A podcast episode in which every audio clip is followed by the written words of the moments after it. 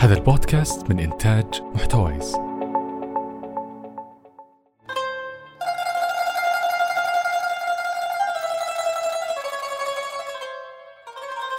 حياكم الله جميعا آه، في حلقة جديدة من حلقات بودكاست جينا.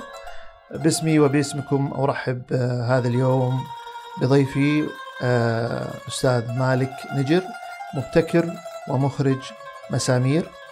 والشريك المؤسس آه، في استديو ميركوت. حياك الله يا مالك. الله يحييك وبيجيك أهلا وسهلا. كيف الحال طال عمرك؟ أنا طيب بخير الله يسلمك يا أخي عندي شعور غريب كذا كيف إنه يعني تسوي لقاء مع صديقك. ما أدري كيف أصير رسمي ولا أصير لا تصير رسمي. أحسن للناس. الرسمية يعني ولو أن هذا الشيء كان شيء منتظر يعني من زمان بالنسبة أو- لي. overhead الرسمية يعني تخلي طيب. الواحد ما ينتبه لكلامه. لا لا ما حيكون إن شاء الله يعني لقاء رسمي بالعكس يعني إحنا أنا حستفيد من يعني معرفتي بك من من- منذ فترة طويلة وإن شاء الله بإذن الله يكون هذا ال- الحلقة حلقة مفيدة. طبعا الفكرة في في هذا البودكاست الرئيسية أن المستمعين ال- الأساسيين بالنسبة لنا هم رواد الأعمال والفكرة الأساسية إنه كيف يستطيع رائد الأعمال لأن إحنا عندنا كل حلقة عن في موضوع معين. فالحلقة هذه موضوعها في مجال ال- الإنتاج المرئي في موضوع الإبداع في موضوع فكل الشباب اللي مقبلين على مشاريع شبيهة بهذا المشروع في في مجال الإبداع يعني نريدهم أن يعني تكون هذه الحلقة بالنسبة لهم آه، حلقة ثرية فيها فيها معلومات تساعدهم آه، إنهم آه، يؤسسون عملهم الأول إنهم يعني يأخذون تجارب تجارب مالك اللي تجربة ثرية جدا. وإن كانت يعني ما هي تجربة طويلة نسبيا ولكنها والحق يقال تجربة ثرية ثرية جدا. فكل هذه التجارب بنمر عليها و يعني آه، آه، هذا هذا هذا هذه الفكرة الأساسية يعني. فأنا البداية طبعا مالك أنت شخصية معروفة ما ما يحتاج ندخل في في مجال تعريف من هو مالك ويعني أكيد أنك تحدثت كثيرا عن, عن هذا الموضوع وأصبح ال- المتلقي يعني آه، يعني يعرفك بشكل كبير جدا. لكن خلنا أنا ودي أبدأ هذا ال هذا ال- ال- ال- الحلقة هذه الحلقة بسؤال أنا أتذكرك من البدايات أتذكرك مم. من يوم ما كنت آه، على قولتهم قناة نجر على على مم. اليوتيوب مم. كانت فيها مقاطع آه، بسيطة وبعدين آه، حصلت إنه يعني أحد المقاطع انتشر وبعدين والرحلة الجميلة هذه اللي إلينا الآن وصلنا إلى إنتاج أول آه، فيلم سينمائي بالنسبة لكم في آه، في شركة آه، ميركوت حاليا لكن من ال من ال القناة على اليوتيوب إلى ال- الفيلم السعودي ال animation السينمائي آه، في صالات السينما. هذه رحلة طويلة جدا. وكانت فيها على قولتهم آه، آه، مراحل إيجابية ومراحل سلبية صعود وهبوط. أكيد أنك تعلمت من هذه الرحلة الطويلة في كل مرحلة وكل تجربة خذت تجارب مع شركاء متعددين وطلعت يعني أكثر من شركة أتذكر أنا. إذا ممكن بس يعني تذكرني أول شركة كانت آه، أسستوها؟ يعني عندنا هو أنا بقول لك اللي أسست على ورق اللي ما أسست على ورق برضو. حلو. يعني إيه، أكثر. إي أكثر. بس إيه. اللي أسست على ورق كان عندنا لومينك إيه وبعدين انتقلنا إلى ميركوت. بس كان قبلها آه، قبل ليمون لومين كان فيه الظاهر بعد. إي دي أي دي. ما لم تؤسس على ورق لم أكن فيها شريكا على ورق. آه. وكذلك كان عندي أنا وشريكي الحالي عبد العزيز مزيني يعني كان عندنا محاولات برضو سبقت هذا الشيء صحيح. في 2009 و2000 و 2008 و2009 برضو. جميل. كان في مبادرات من عبد العزيز إنه نأسس. أه، لكن هو كان في الشرقية وأنا كنت في الرياض وهو مرتبط بوظيفته. طيب. فما قدرنا نأسس. فهذه محاولات أه، يعني أنا ما أعتبرها إنها يعني أه، هي محاولات اجين بس إنه إذا نبي نتكلم على الشيء اللي على الورق إيه.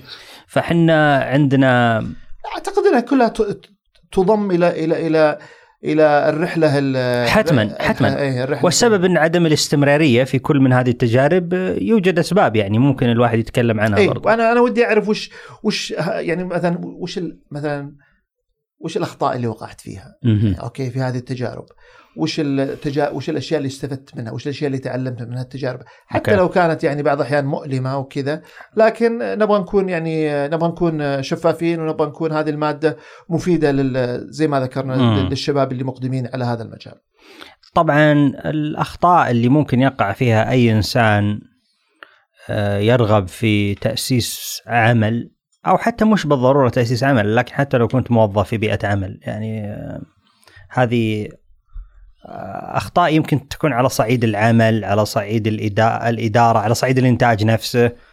أحيانا على صعيد العلاقات الشخصية برضو الإنسان يقع في أخطاء معينة. وهذه آه، تؤثر يعني في استمرارية المشروع من عدمه. إيش قصدك يعني بالعلاقة؟ يعني علاقات شخصية. يعني أحيانا قد تجد نفسك آه، شاركت ناس ممكن يكونون على الصعيد العملي كويسين. والصعيد الاحترافي كويسين بس تجد فيهم مثلا عيب آه، كبير في الشخصية يخلي العمل معهم مستحيل مثلا. آه إيه، يخلي جو العمل ما هو صحي. إي فهذه هذه اشكاليات تحدث يعني ومهما أنا في ظني مهما كان ال- الإنسان محترف وشاطر وكذا أحيانا آه، الشخص اللي امامك آه، إذا لم يكن فيه انسجام بينك وبينه انسجام نفسي أيضا آه، قد لا تصل إلى مكان وأنا ما أقول طبعا الشيء هذا آه، تبرئه لنفسي لأنه أنا يمكن يمكن المشكلة تكون فيني في في في في فترة من الفترات بس فهذا يحت يعني النقطة هذه اللي أحاول أقوله من خلالها أنه ضروري أن يكون في بينك وبين الآخرين انسجام نفسي كذلك قبل. كل شيء قبل كل شيء لا- لابد أنه الشخص اللي أمامك هل أنت وياه مثلا آه، متفقين على آه، صعيد فكري مثلا؟ مهم. أحيانا بعض الناس عندهم قناعات غريبة جدا ومختلفة عنك. تخلي العمل معهم شبه مستحيل. انت تتكلم عن الشركاء اللي حتبدأ معهم. الشركاء مثلا خلني أعطيك على سبيل المثال. مثلا شاركت صحيفة سبق مثلا في نشر أولى حلقات مسامير. أوكي؟ الأول عشر حلقات. مهم. جو قالوا لي لا تحط موسيقى مثلا أوكي أنا أنا أبغى أحط موسيقى فحاولت إني آه، يعني أشتغل في نطاق طلبهم هذا لكني آه، في الأخير حسيت إنه ما أقدر أستمر يعني ما أقدر يعني أجاملهم.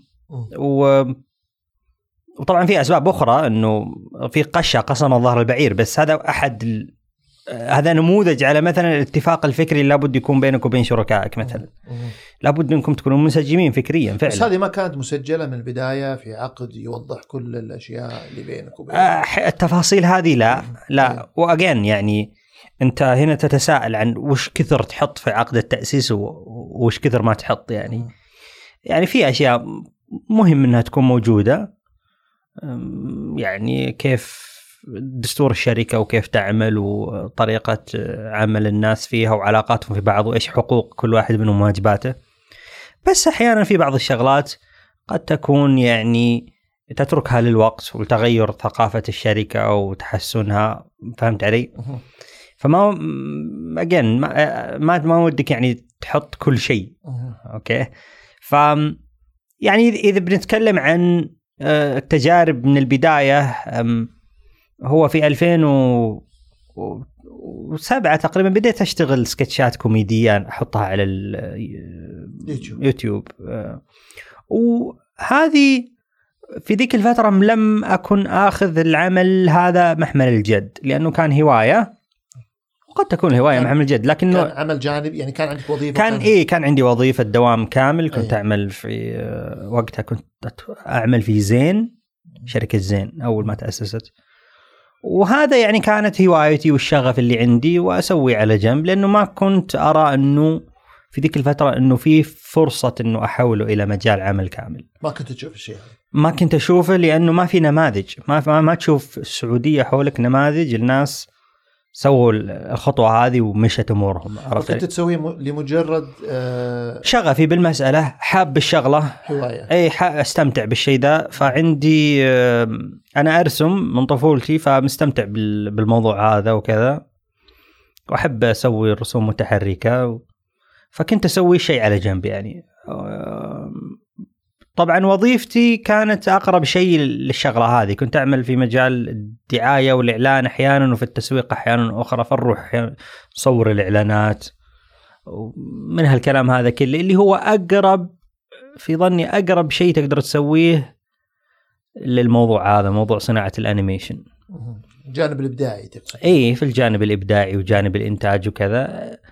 طبعا آه، لما بديت أنشر على اليوتيوب بدأ في ناس يشوفون الشغل حقي وينبسطون عليه وكذا. أتوقع من ضمنهم كان شريكي عبد العزيز المزيني. أذكر إنه أرسل لي إيميل لأنه شاف لي مقطع على اليوتيوب وانبسط عليه. فلا زلت أتذكر إيميله يقول انا إحنا على وشك إن نأسس استوديو animation وودنا تكون معنا ف إن كان ودك تجي معنا آه، بيكون جميل إن كان ما ودك آه، سوي نفسك ما دريت. فهذا كان يعني إيميله آه، بس طبعا قبل آه، إنه يصير في بيننا هذا العمل أذكر في ذيك الأيام جاني بس الام بي سي أنت تعرف عبد العزيز من قبل ولا؟ أنا أعرف عبد العزيز من قبل كجمهور له آه. لأنه عبد العزيز يرسم كان يرسم في جريدة الوطن فكنت. أعرفه أي. كرسام كاريكاتير فكان يرسم وكذا بس ما أعرفه على الصعيد الشخصي فلما جاني إيميل منه أنا صراحة يعني قلت وش آه. هذا الأستاذ عبد العزيز مزيني يتواصل معي. آه، الآن أقول له عزوز يعني. بس إنه بس إنه يعني آه، هو يعني من الأشياء اللي اللي آه، تحسب لعبد العزيز إنه كان بيشتغل على مشروع مشروع كش ملك كش ملك بيأسسها وكنت أنا أحد الأعضاء المؤسسين فيها. أنا ما شعرت إنه بنروح مكان دام هو في الشرقية وأنا في الرياض وما نقدر نشتغل يعني وهو. اي وهو لا, زي- لا يزال كان متمسك بوظيفته في تصنيع و...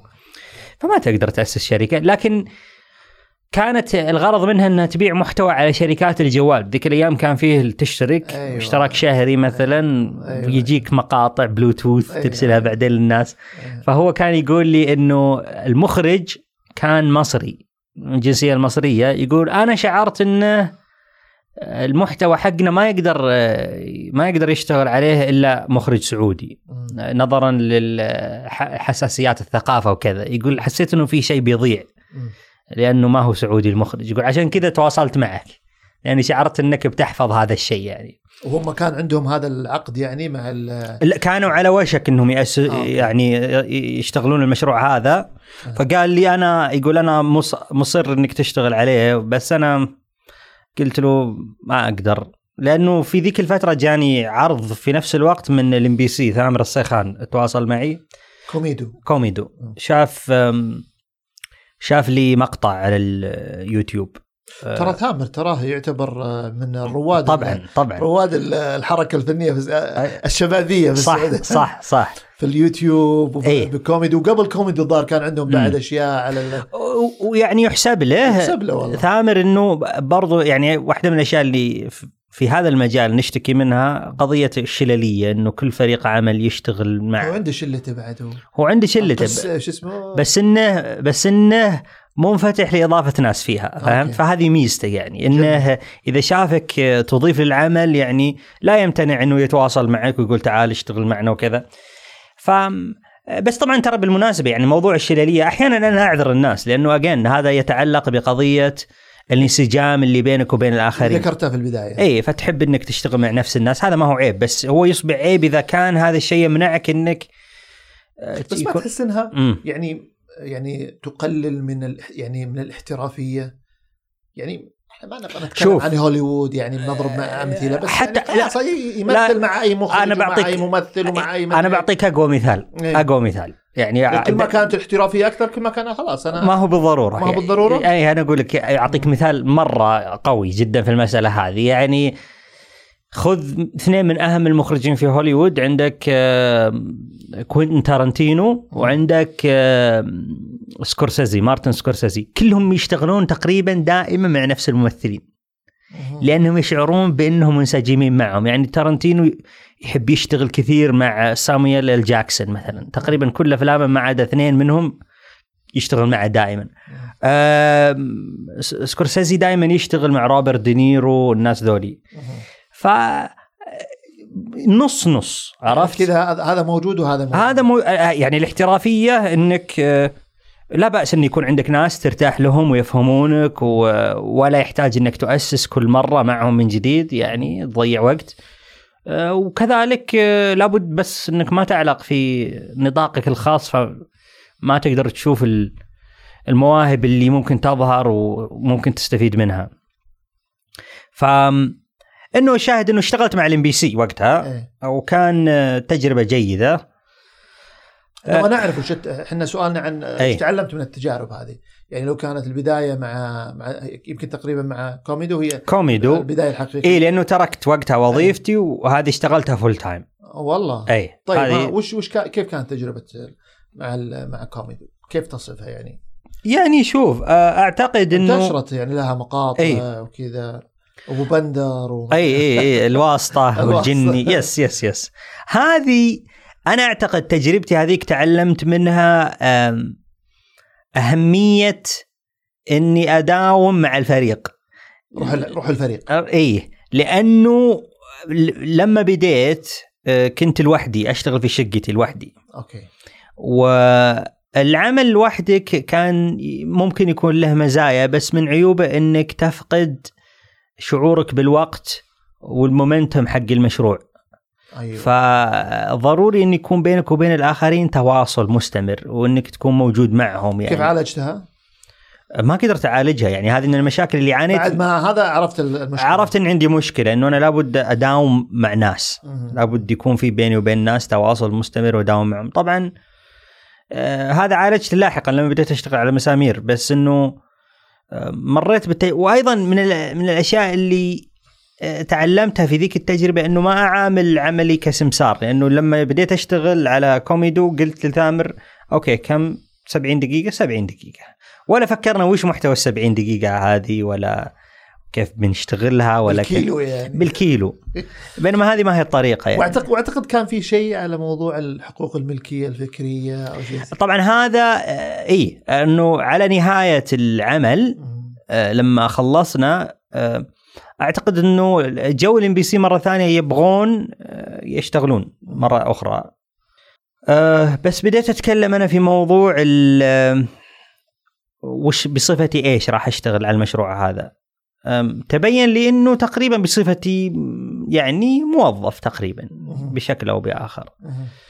أنا طبعا يوم تركت وظيفتي ما تركتها عشان أصير موظف برضو يعني ك... تصير entrepreneur أبغى أصير entrepreneur يعني أبغى يعني أسوي خلينا نقول أصول أمتلكها أه، بحيث إنها استفيد منها يعني بس أقصد على كوميدو إنت أنت يعني كأنك بعدين عرفت إنك ما تقدر تستخدم شخصيات كوميدو ولا تقدر تستخدم. لأن- لانها إي طبعا. طبعا إي أنت ما تقدر تستخدم ال ما تقدر ت... مثلا هذا الواسطة اشتهر يعني. يعني فما قدرت أستخدمه ما قدرت تستخدم لكن عموما آه، هو كثير من الشخصيات اللي أنا أصلا استخدمتها في كوميدي وكانت شخصيات ارسمها من قبل يعني بشكل إيه. طويل بال style تبعي كلها ملك إم بي سي. ما هو بالضرورة ما ما صارت ملك الإم بي سي. لكن اللي حصل إنه آه، جوني هم بهالطريقة هذه قالوا أي شيء تطوره في المستقبل ترى بيكون ملك للام بي سي تقريبا. وانت رفضت أنا قلت لهم ما أقدر يعني يا جماعة الخير أنا ودي أمتلك حصة يعني من الموضوع هذا. فكانوا يعني ما هم يعني حريصين. على قضية إنه امتلاك الملكية الفكرية إننا نتشارك فيها. فهذا كان نقطة يعني إنه خلت الموضوع غير جذاب. بس أنا في ظني النقطة اللي خلت الموضوع جدا غير جذاب إني رأيت كيف يستقبل الناس مقاطع كوميدي على الإنترنت. الشعبيه إي تنتشر ويجي عليها ردود أفعال وكذا. فبديت أشعر إنه والله ما هو ضروري ينزل على الإم بي سي عملي الجاي قد يكون إنه آه، لو أنزل على الإنترنت آه، جيد لأنها كانت تنتشر عن طريق الإنترنت لأني كنت أشوف دائما الناس اللي يجوني آه، يشكروني على شغلي في كوميدي وأسألهم وين شفته؟ يقول واه شفته على اليوتيوب ولا شفته على الفيسبوك ولا شيء زي كذا، ذيك. الأيام كنا على الفيسبوك. كنا كسعوديين كثير. فالناس آه، يشوفونه على ال ال ال اليوتيوب والفيسبوك فحسيت إنه آه، يا أخي والله يا أخي لو أشتغل على عملي الجاي على اليوتيوب آه، قد يكون أفضل. آه، فهذا بعد سنة يعني من العمل على كوميدو آه، طبعا اعتذرت بلطف من الجماعة في الإم بي سي وقلت أنا لعله في المستقبل ممكن نعمل مرة أخرى ب- بروح أجرب أشتغل على هذا المشروع. مهم. اللي هو مسامير يعني من أهم برضو الأشياء اللي تعلمتها إنه لا تشتغل لحالك. برضو عرفت علي؟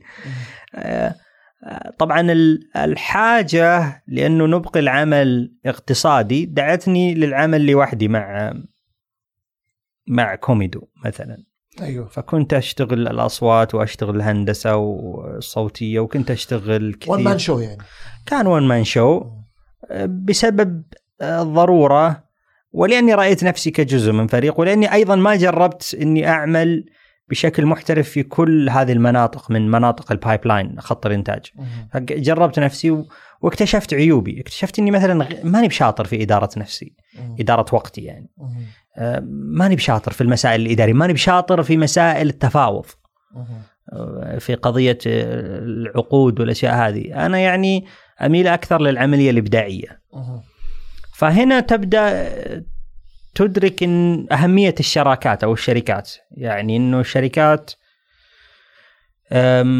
عبارة عن بعضها. كائن أه، يعني مجموع الأشياء اللي تشكله تكمل بعضها. عرفت علي؟ ف ولهالسبب يعني كان وقتها عبد العزيز مزيني جاء الرياض وكان يبغى يكسر راسي وقتها يبغى ينافسني. كذا كان يقول إيه. الزملاء يقولها يعني من باب المنافسة الشريفة. بس إنه جاء عبد العزيز وحاول يأسس استوديو له في الرياض هنا واستمر تقريبا يعمل فيه لمدة سنة. أثناء عملي أنا على مسامير وقتها برضو. وطبعا يوم اشتغلنا مسامير أيضا من الأشياء اللي أدركتها إنه أحتاج أصوات آخرين وأحتاج إني برضو أشتغل على موضوع الكتابة يعني. فعملت مع مزروع المزروع واشتغلت مع فيصل العامر على موضوع الكتابة. ويعني آه، هذه دخلنا مرحلة هنا دخلنا مرحلة مسامير. مرحلة اي دي اي دي إي اي دي تعتبر. أيوه. آه، وكيف هذه المرحلة؟ وش طلعت منها من تجارب؟ وش طلعت منها من شوف يعني آه، خرجت منها بتجربة إنه ما في شيء اسمه والله نتفاهم بعدين ولا إحنا أصدقاء. حلو. عرفت علي؟ لأنه لما يكون المشروع صغير وما في فلوس كثير وما في كذا الناس يعني لطيفين مع بعض. يا رجال عادي يا رجال. إن شاء الله يكبر ننجح ولا ما ينجح؟ إيش ما ما صارت ما راح اي ما راح نختلف. بس لما تكثر الدراهم إيه. لما يبدأ العمل يطلع فلوس يبدون الناس هنا آه كل؟ كل يقول طيب وين حقي؟ أوكي عرفت علي؟ فيوم بدينا مسامير ما كان في فلوس كثيرة يعني كان خسارة تقريبا يعني أول عشر حلقات كانت خسارة يعني ما في شيء. آه، فهذه آه، بعدين بدأوا يجون شركات زي نسكافيه وجودي المعلنين والمعلنين وهنا بدأ العمل يطلع قرشات فأصبح من الضروري أنه أدركنا يعني أنه لابد نضع عقود يعني بيننا. فكل شيء كان حتى ذيك اللحظة ما في عقود إلا إذا كان اللهم عقد ال- النشر مثلا عقد نشر مع سابق مثلا. بس انه عقود الأطراف اللي يعملون على العمل نفسه وش حقوقهم وكذا ما كانت واضحة. يعني كان الموضوع شباب وحبي وكذا. ف جت مرحلة ال- ال- اللومينيك إي جت مر... مرحلة العقود. إي هذه مرحلة العقود. يلا خلونا نأسس شركه آه. وطبعا لما تأسس شركه أنت يتهيأ لك إنه خلاص دام في عقد وعلى السطح أنت راضي إنه خلاص كل الأمور تمام. آه. لكن طبعا اسسنا لومينك ومشت الأمور وقعدنا نشتغل. ومين كان الشركاء فيها؟ يعني كانت آه، نفس الشركاء اللي في اي دي ولا؟ آه، ولا دخلوا مستثمرين ولا- لا لا ما كان في كان تقريبا نفس شركاء اي دي أي بس, بس حطيتوها بشكل يعني. إيه، حطيناها بشكل منفصل وأسسناها وكذا. مم. وطبعا هذه كانت آه، أذكر إنه بدينا الحلقة الحادية عشر بعد ما أسسنا هذه اللومينك إيه. بدينا نحطها يعني شعارها وكذا. هذه مرحلة سوينا عقود بس ما هي عقود كويسة. عقود كويسة. ما هي عقود كويسة ما هي عقود تحفظ يعني حقوق جميع- الأطراف ولا هي عقود أيضا تجعل الشركة يعني لا يستأثر بقراراتها أو باتجاهها شخص واحد مثلا. أوكي. عرفت علي؟ فم... يعني الح... الحوكمة وما الحوكمة. yes فمن من عيوب لومينك إنه ما كان عندنا ما كان عندنا إدارة مالية يعني كان عادي طرف واحد يقدر ياخذ الفلوس يحولها لحسابه الشخصي. بدون أدنى مسؤولية يعني مم. يعني لأنه دستور الشركة يسمح له بأنه يسوي هذه هذا التصرف مم. أو إنه مثلا يعني في تفاصيل ما كانت واضحة بالنسبة لي لكنها لاحظه لاحقا اكتشفت إنها ما هي من مصلحتي مثلا مثل مثل قضية إنه شركة مثلا أنا أمتلك فيها حصة معينة بس بعدين اكتشفت إني ما أمتلك حصة معينة لأنه هي تابعة لمجموعة والمجموعة هي اللي تمتلك أنا أمتلك حصة في ذيك المجموعة. وهنا تأتي أهمية إنه يكون عندك مستشار قانوني. أوكي. إذا أنت تأسس شركة لابد تروح لهذا الطرف الثالث اللي لا هو صديقك ولا هو صديق الشريك. وتعرض له ال- العقد وتقول له أبيك الآن تصير تقول لي وش اللي من مصلحتي وش اللي ما هو من مصلحتي لأنك أنت ما أنت خبير يعني في الموضوع هذا.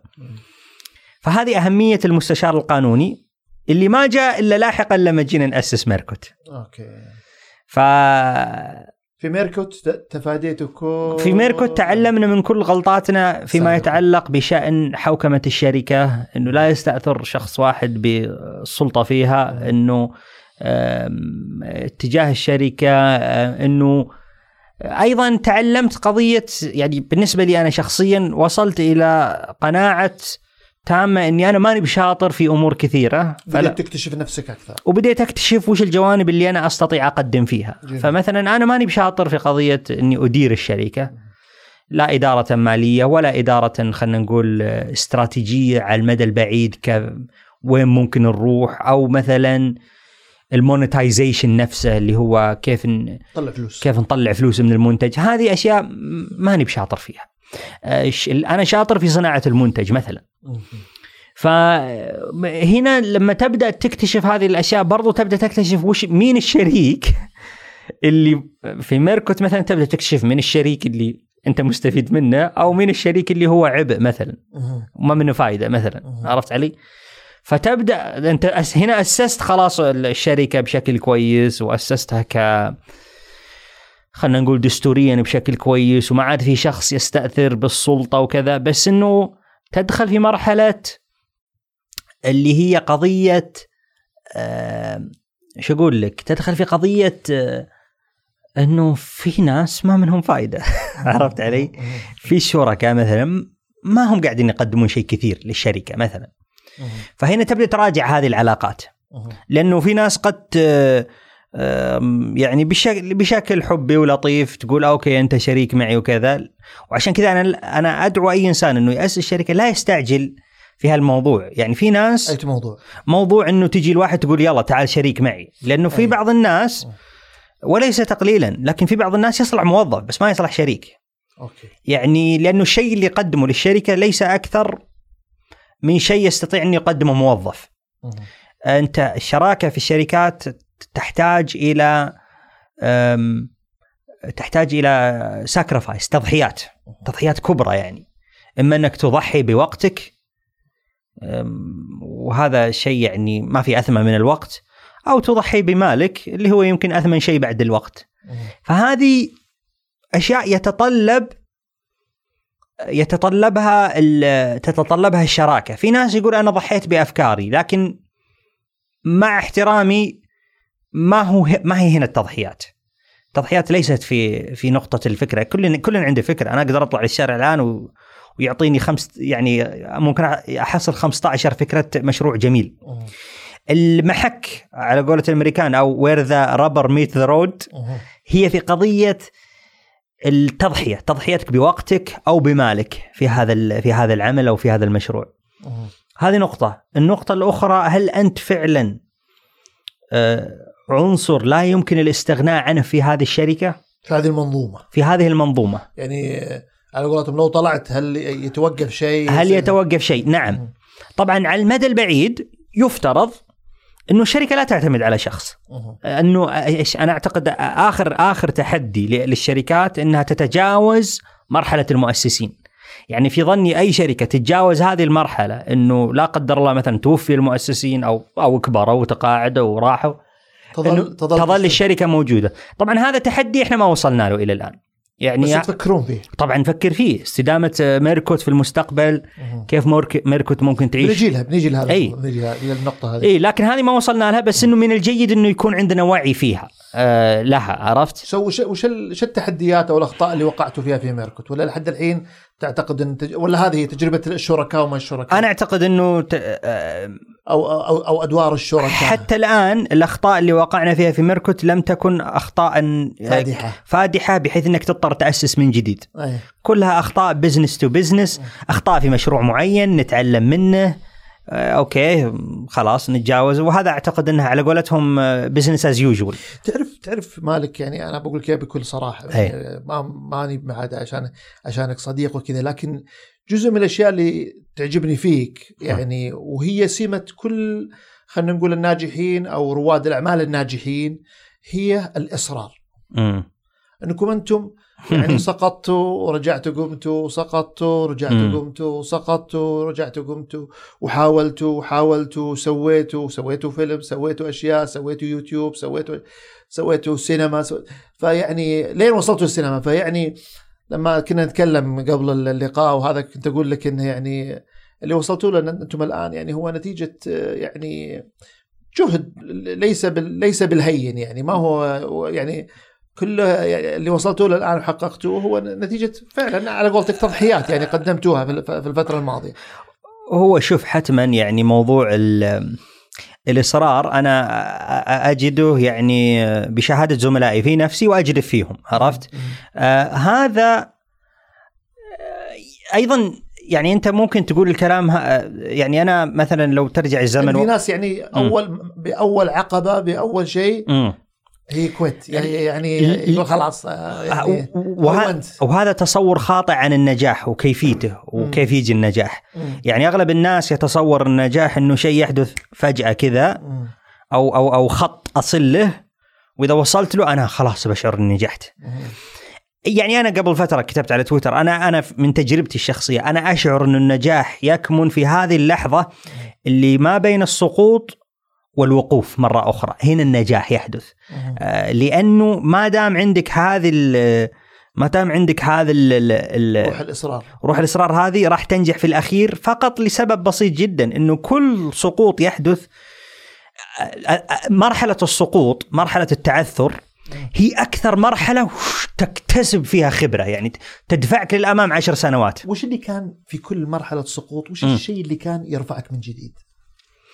هو شعور اكتشافي لل... لل... لل... للأخطاء اللي أنا وقعت فيها اللي منعتني من الوصول للنقطة اللي أنا أبغى أكون فيها. يعني أحيانا تبذل مجهود ومع إنك تبذل المجهود ذا ما في nothing gives على قولتهم ما ما أنت قاعد تصل للنتيجة اللي تبغاها. وما تدري ليش. أثناء تعثرك تبدأ تكتشف هذه الأشياء، ليش؟ تبدأ تحصل على الإجابات الليش هذه. ف فلما توقف مرة ثانية أنت تأتي وأنت محمل بهذا ال... ال... خلينا نقول ال... آه، رأس المال المعرفي اللي شكلته.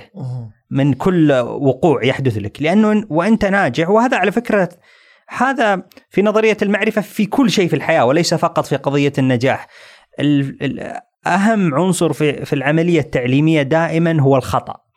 أنت لما تخطئ هنا تكتشف إنه هذا خطأ. يعني قد تسوي شيء وتستمر تسويه لسنوات ولسنوات إما إذا ما اكتشفت يعني أنا بسطها لك أول حاجة يتعلمها الطفل مثلا هو صغير إنه ما يلمس الفرن.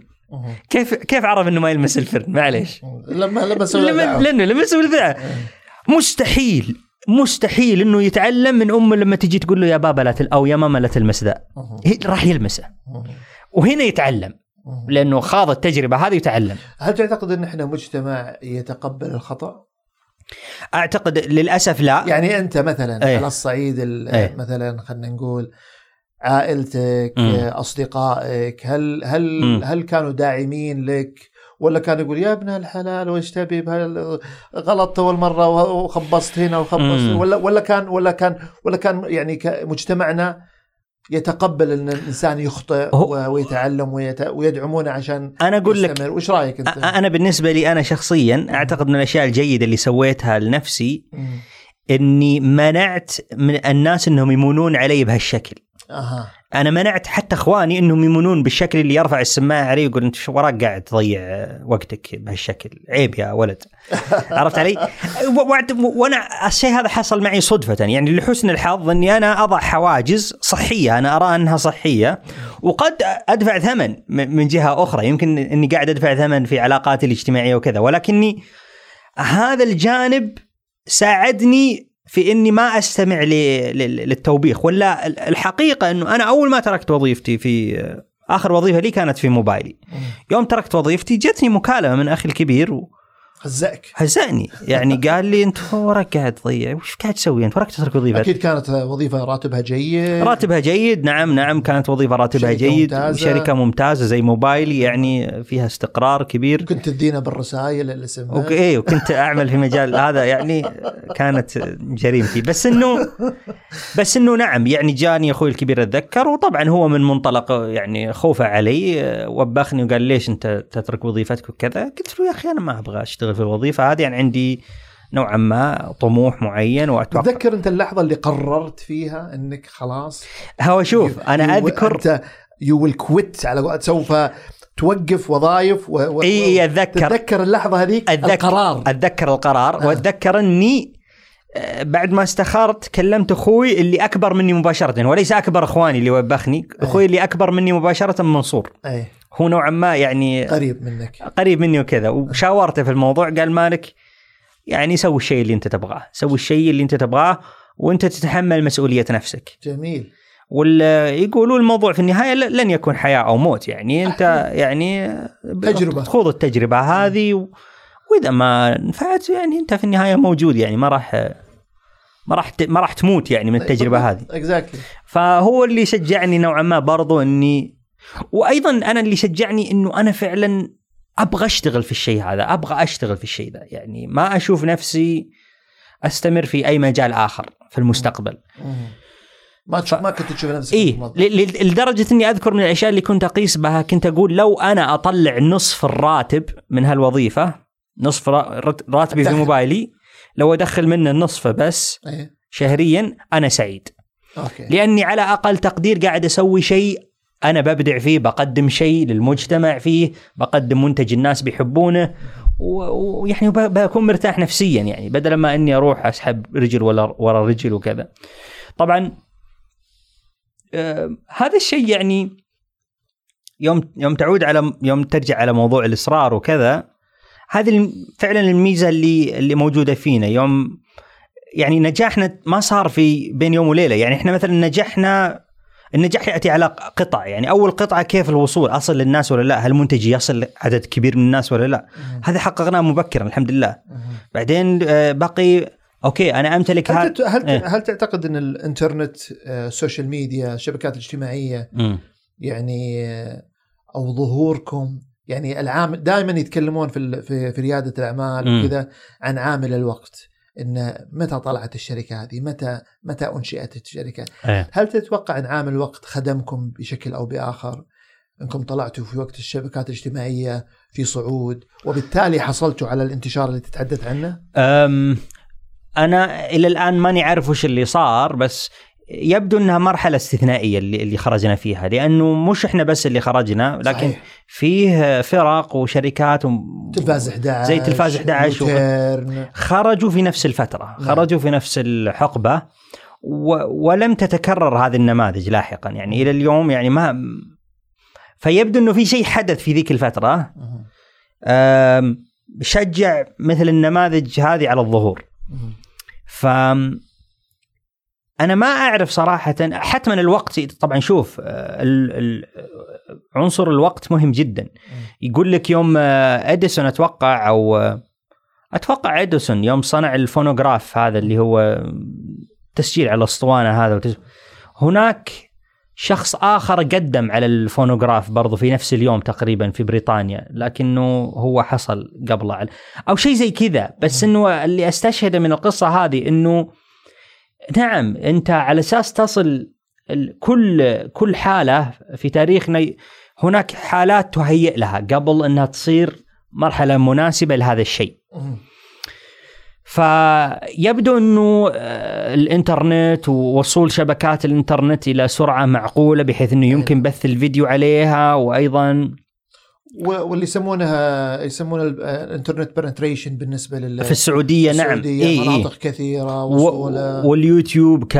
ك... كوسيلة لأن اليوتيوب ترى 2006 بدا ينتشر إيه. حول العالم وإحنا بدينا ننشر 2009 يعني بعدها بثلاث سنوات تقريبا فأنا أشعر إنه هذه كلها كانت الأرقام مرعبة يعني مم. كانت الأرقام مرعبة يعني مم. حتى اليوتيوب يعني كانوا عندهم علامة استفهام من كمية ال... كنسبة وتناسب يعني. صح، صح. أن السعودية يعني كنسبة وتناسب كنا من أعلى أنا أتذكر أن كنا من كنا أعلى دولة في العالم yes عددا مشاهدة per capita يعني عددا وليس نسبة. مشاهدة يوتيوب عبر الجوال. حتما. وكنا وكنا من الأعلى في العالم آه، نسبة في في مشاهدة ال- شو اسمه اليوتيوب. وأعتقد إنه ما أدري عاد عن الارقام الجديدة إلى الآن بس هذا كلام ذيك الأيام ذيك الفترة. لا لا أعتقد إنه الشيء هذا يمكن استدامته. يعني إلى اليوم يمكن تقدر تقول إنه حالة حادثة. بس أنا أعتقد يوم أفكر فيها الآن أي إحنا خرجنا في فترة ما كان في عندنا ترفيه. entertainment ولا كان اي كان عندنا أزمة في الترفيه في ما عندنا لا سينما ولا ترفيه ولا خيارات قليلة جدا. فيمكن هذا برضو من العناصر اللي ساعدت إنه منافسة على الوقت ما كانت زي ما هي الآن. جميل جدا. طيب آه، معك نبغى ننتقل إلى محور آه، آخر. آه، لو لو حبيت قبل قليل أنت تحدثت عن سميتها سلسلة ال- الإنتاج أو سلسلة ال- إيه. بالنسبة لل خط الإنتاج. خط الإنتاج بالنسبة أو إحنا يعني خلينا لو لو نظرنا فيها إلى سلسلة الإمدادات في عملكم. امم حدثنا عنها. نبغى نبغى نتكلم عنها. نبغى نتكلم عن يعني الإنتاج نفسه وش المراحل اللي يمر فيه. ونبغى نتكلم عندنا في السعودية وين عندنا قوة في مم. هذه السلسلة امم وين عندنا ضعف. okay. يعني من الت... مثلا وين من يبدأ؟ هو- هل هو يبدأ من التأليف من الكتابة هو- من نعم. هذا من يعني من يوم من من قبل الين إلين الإنتاج لين يطلع المنتج لل... للمشاهد. آه وش هي هذه السلسلة اللي أنتم تشتغل على الأقل اللي أنتم تشتغلون عليها يعني شوف طبعا بداية المشروع يبدأ على الكتابة والتأليف.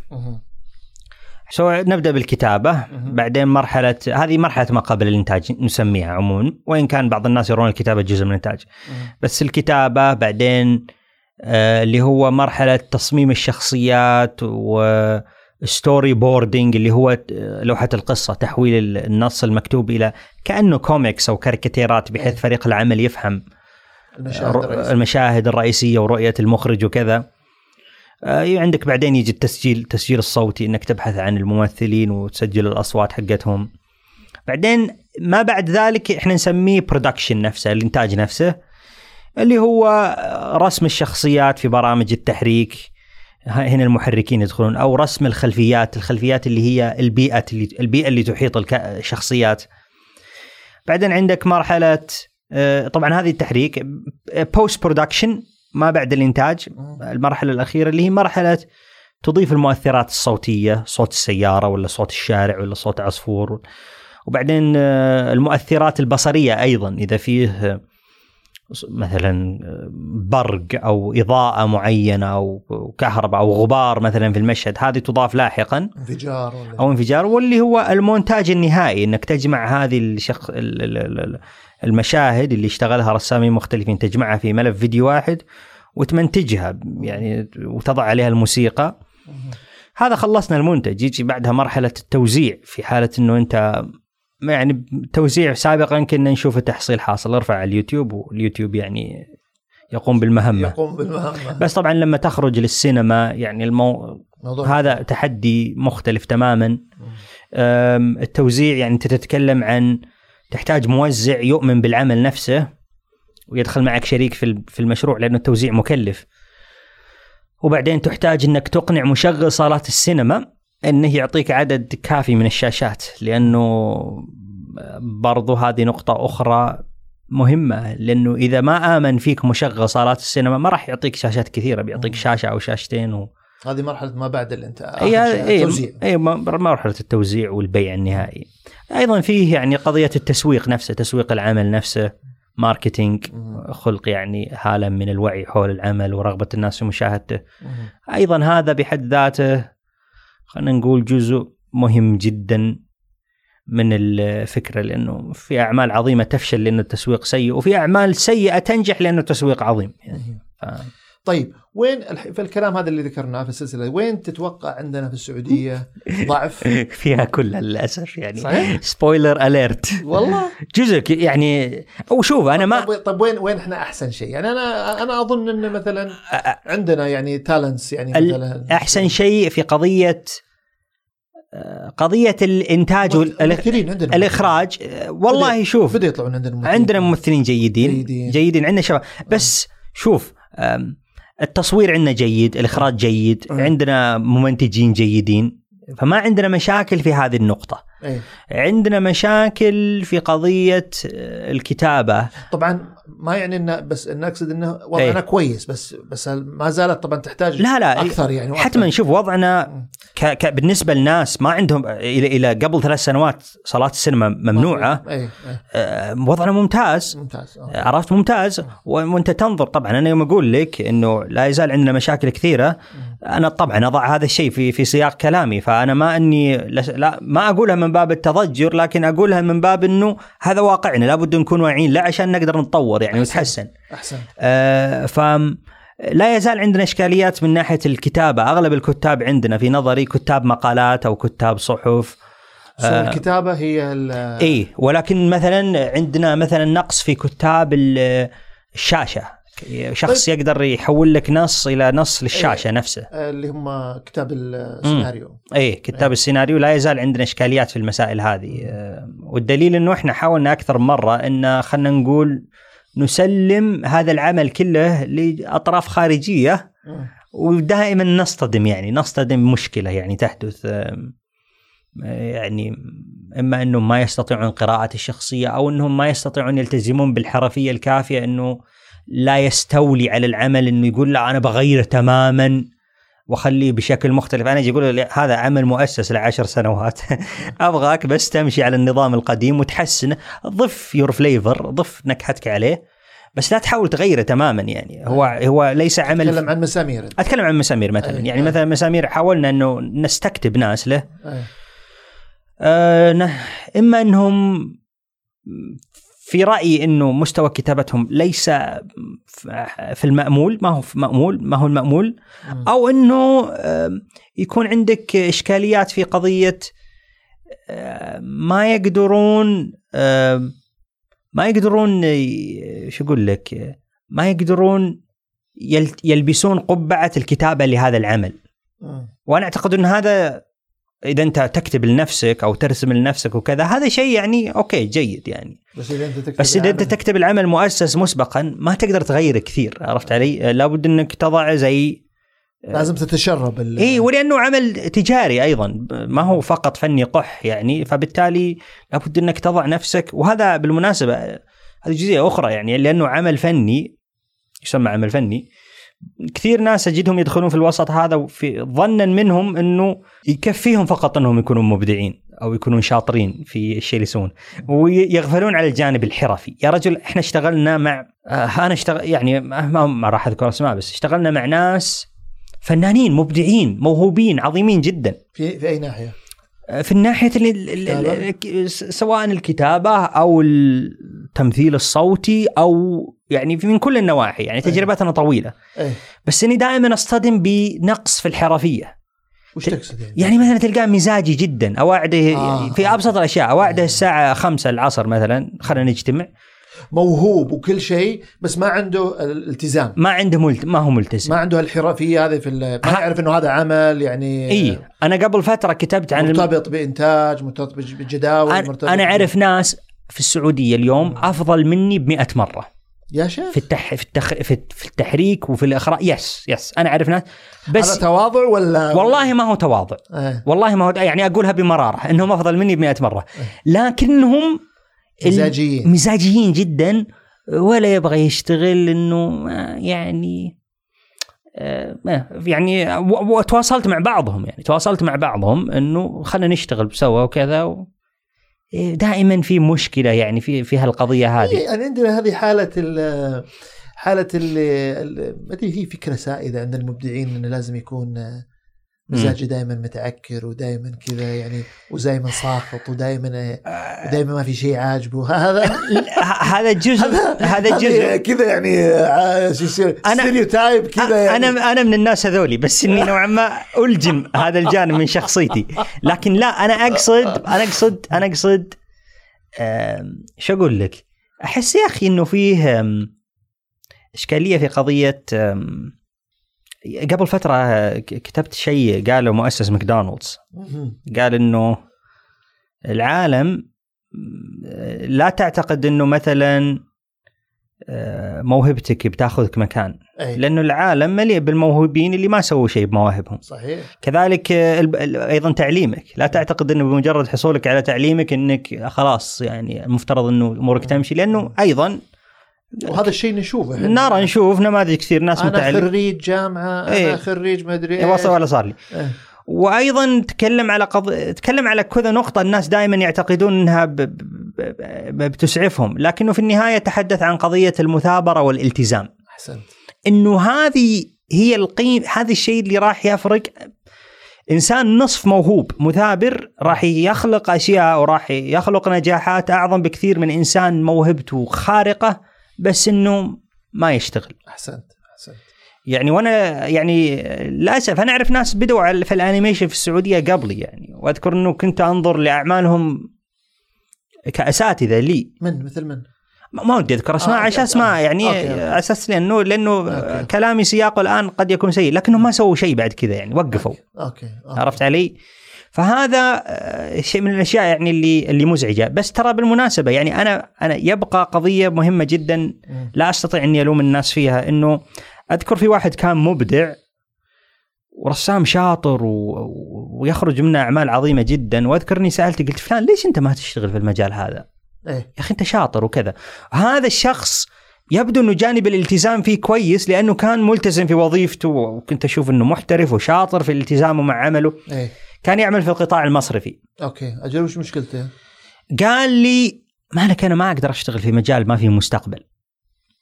آه ما كان يرى إن فيه ما يعني ما الك- أخذ ال risk. الكلام هذا قبل ثلاث سنوات أربع سنوات وأنا ما ألومه لأنه لا يوجد نماذج. لا يوجد نماذج وقتها لناس يعني حققوا نجاح كبير وقدروا يعني من- على الصعيد ال- المادي آه، آه، فبالتالي إنه في وظيفة وك... يعني انت إيه. أخذت ال risk وكذا هو ما إيه. إيه. هو إنسان ما يبغى ياخذ ال risk يعني ما yes. يبغى لا يريد أن يجازف فبالتالي أنا اللي امل منه إنه مثلا لما تشوف نموذج ميركوت الآن الحمد لله نموذج ناجح يعني أنا بالنسبة لي أنا آه، اليوم الحمد لله ال risk كل ال risk اللي أخذته كان آه، يستحق. لا على صعيد ال- الاكتفاء النفسي بإني نجحت وصنعت مثلا مع زملائي صنعنا هذا العمل الجميل مسامير. أو على الصعيد المادي الحمد لله أنا يعني أشعر إني دخلت يعني مبلغ أو أو أو أو, أو, أو جيد يعني جمعت عرفت؟ جمعت المليون الأول ولا؟ جمعتها. جمعتها الحمد لله. نعم حدث الشيء ذا. فالحمد لله. هذه هذا فعلا مقياس يعني أنا أشوف إنه مهم فعلا يعني أنت إذا قدرت تجمع أول مليون مثلا. أنا بالنسبة لي هذا الرقم. إذا قدرت تجمعه مثلا ممتاز معناته يعني هذا الجانب قدرنا ان قدر إنه يخلي العمل مستحق. وبيني وبينك شوف أنا الناس لا, يخفى عليهم قضية إنه مثلا مسامير ناجح على الصعيد ال- الشعبي والناس تتابعه وكذا. ولكن فعلا من الأسئلة المهمة اللي أحيانا لم تطرح لي كثيرا. طيب أنت طلعت قريشات منه ولا لا؟ وأنا أعتقد إنه فعلا سؤال مهم جدا. وأقول إنه الحمد لله نعم يعني آه، قدرنا أن نطلع منه. بس هذا الشيء ما حدث بين يوم وليلة. ما حدث بيني وبينك. هذه ال- اي هذا عشان كذا مهم جدا إنه الناس ينتبهون للنقطة هذه. ما تدخل في المجال آه، لأنك أول سنة أو سنتين ما ما ما طلع معك شيء إنك تقول ما في شيء. عرفت علي؟ آه، النجاح يحدث بشكل تدريجي. و- ولا هو إنه قضية على قولتك المليون دي تنزل في حسابك بين يوم وليلة. ولكنها تتراكم تدريجيا وتحدث وفجأة أوه okay أثرني I made it على قولتهم. فهذه ال- ال- الجانب هذا مهم جدا إنه الشباب ينتبهون له. وأنا أعتقد إنه فيه ما هو ما يخفى على الناس إذا بحثوا إنه وش ال average حق الشركات عندما تؤسس. متى تبدأ يعني متى يبدأ مستثمرينها يقطفون ثمارها على الصعيد المادي؟ مهم. عشر عرفت سنوات يعني. أحيانا ت... إيه فعشر سنوات يمكن يكون في ال... يعني هذا ال average ال average إيه. نعم نعم. فهذا يح... في أشياء قبل طبعا. في أشياء قبل؟ طبعا الأشياء اللي قبل هذه حالات للأسف لا يجب أن نقيس عليها لأن ترى هي الحالات الشاذة جدا. إيه. هي الحالات الشاذة جدا.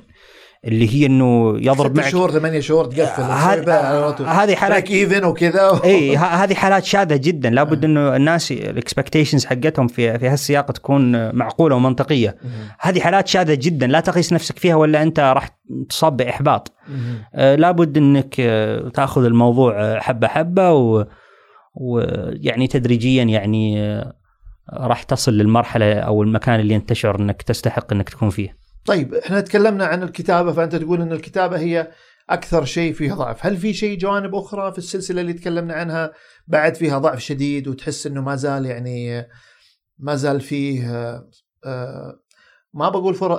في احتياج كبير إنه يصير فيها تحسين واستثمار وإن وإن الشباب يلتفتون لها الإنتاج مثلا أو التمثيل التمثيل فيه يعني في ممثلين. الممثلين في ممثلين. ال animators المحركين فيه يعني ولا ما زال إلى الآن يعني لا يعني لا يزال عندنا مشكلة animators في السعودية وكان أنا أنا في ظني محمد يعني أنا رأس مالي من منطلق إنه أعتقد إن السوق يحل المشكلة هذه، إذا وجد السوق إذا وجدت إذا وجدت النماذج راح يبدأ يخرج أجيال أو جيل جديد من الناس اللي يقولون أوه يا أخي شوف آه، وش سوى مثلا آه، عبد العزيز المزيني ومالك نجر أو علي الكلثمي وعلاء فادن شوف وش سووا أنا أقدر أسوي زيهم أو أفضل.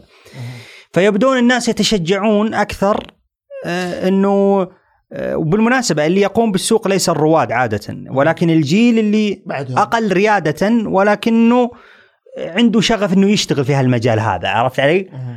فاللي اللي يحدث الآن إني قاعد أشوف الآن بوادر نماذج ناس كثير قاعدين يشتغلون.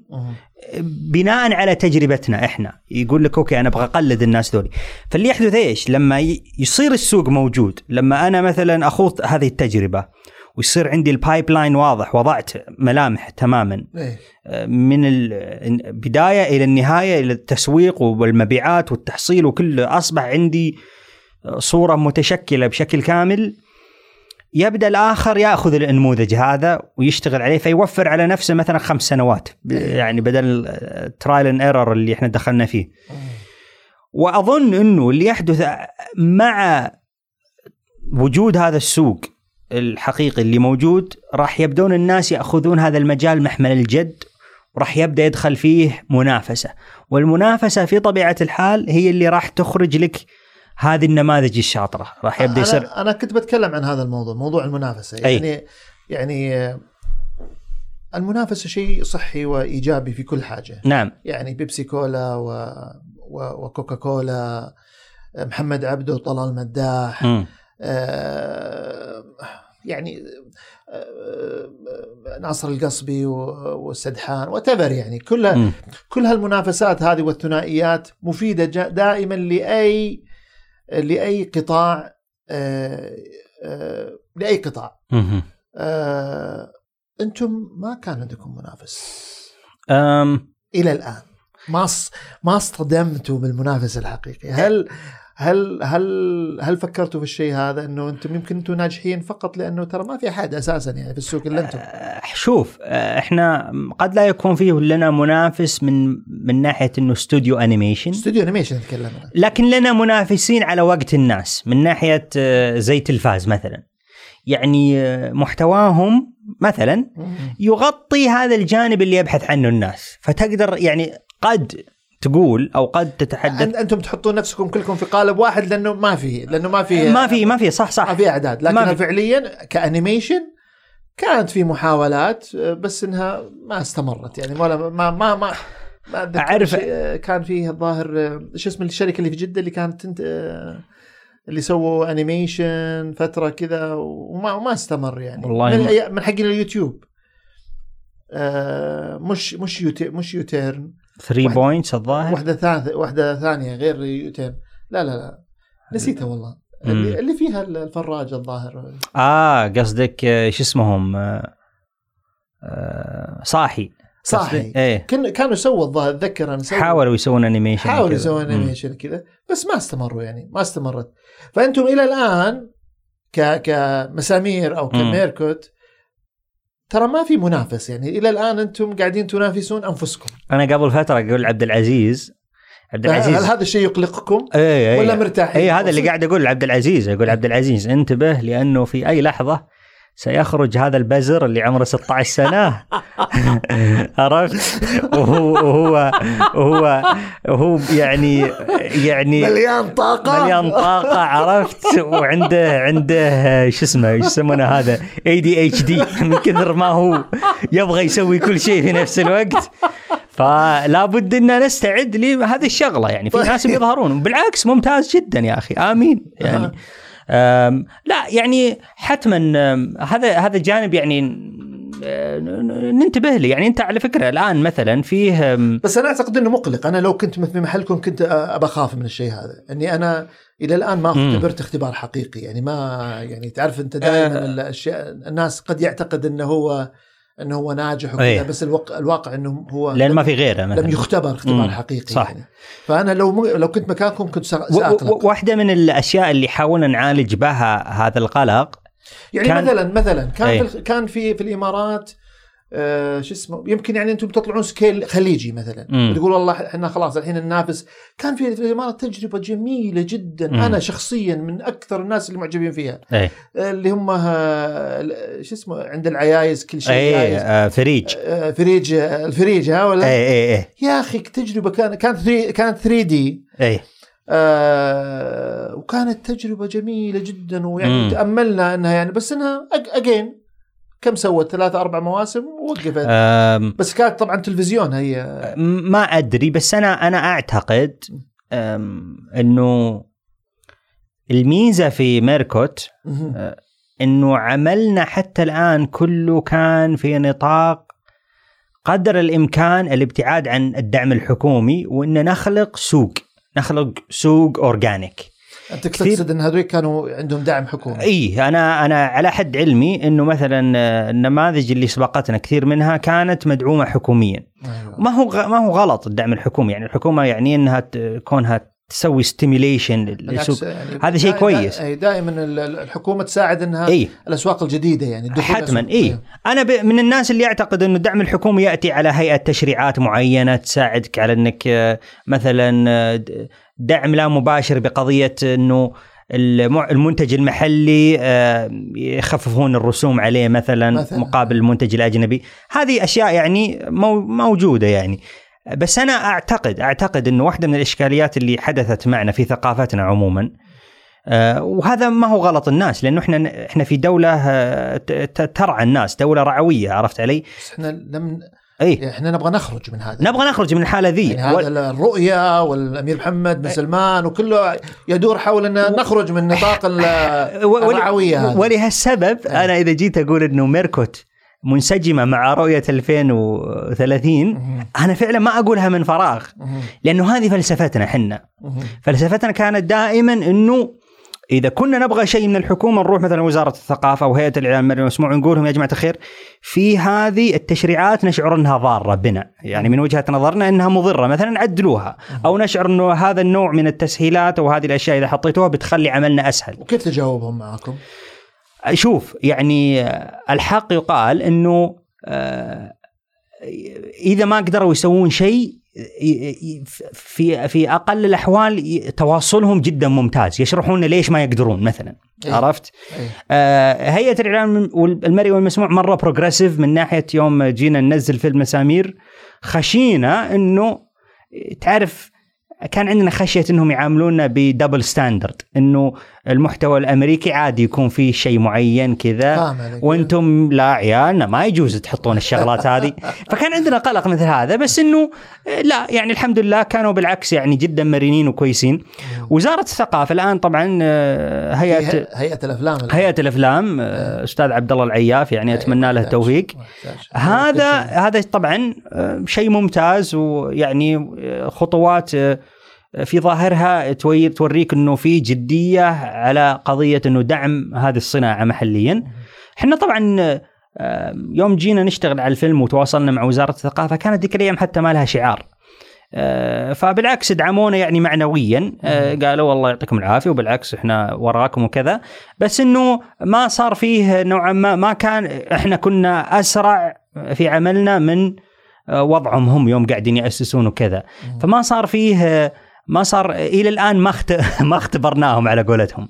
لكن ال- اللي أشوفه هنا يعني آه، الشيء اللي قاعدة تسويه آه، وزارة الثقافة و- واختيارهم للناس اللي يشتغلون فيها و و آه، يعني على قولتهم ليالي العيد تبان من عصاريها. عصاريها. أنا أشعر إنه إحنا متجهين في الطريق الصحيح. أوكي؟ لا- أريد أن أبدو كمتملق برضو وأقول لا عظيمين وجدا ممتازين وكل شيء رائع وكذا. يعني وجود مثلا شخص مثل عبد الله على في هذه نعم، في نعم. الهيئة يعطي على قولتهم جرعه من التفاؤل. وجود أيضا الوزير الشاب آه، على آه، في وزارة الثقافة آه، يعني يعطينا جرعة أيضا من ال حتما حتما. هذه كلها أشياء عظيمة أي. وإحنا عموما لمسنا آه، يوم نزلنا الفيلم آه، لمسنا فخر وزارة الثقافة فينا ولمسنا فخر وزارة الإعلام فينا.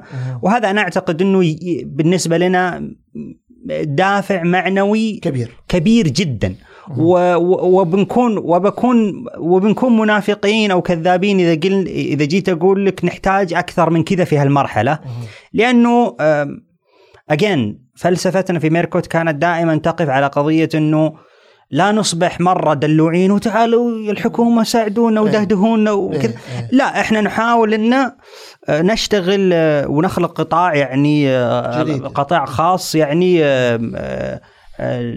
يكون قائم بحد ذاته. وإذا كان عندنا إذا واجهنا الإشكاليات وطبعا لا لا أعتقد إنه مهما مهما حطيت مختصين في الحكومة لا أعتقد إنه راح تستفيد من كثر الفيدباك اللي يجيك من الناس اللي شغالين في في السوق نفسه. أيوة. يجون يرجعون يقولون لك ترى عندنا هالمشكلة وعندنا المشكلة وعندنا المشكلة وهذا الشيء صاير. والحمد لله يعني آه، يوجد حرص كبير جدا من وزارة الثقافة ومن وزارة الإعلام على الاستماع لتجاربنا. انه وش اللي صاير يا شباب؟ طيب كيف نقدر نعدل الموضوع؟ وش التراخيص اللي أنتم بتحتاجونها الآن؟ أنتم تطلعونها تراخيصكم من آه، التراخيص تطلع من الهيئة ولا من الوزارة ولا؟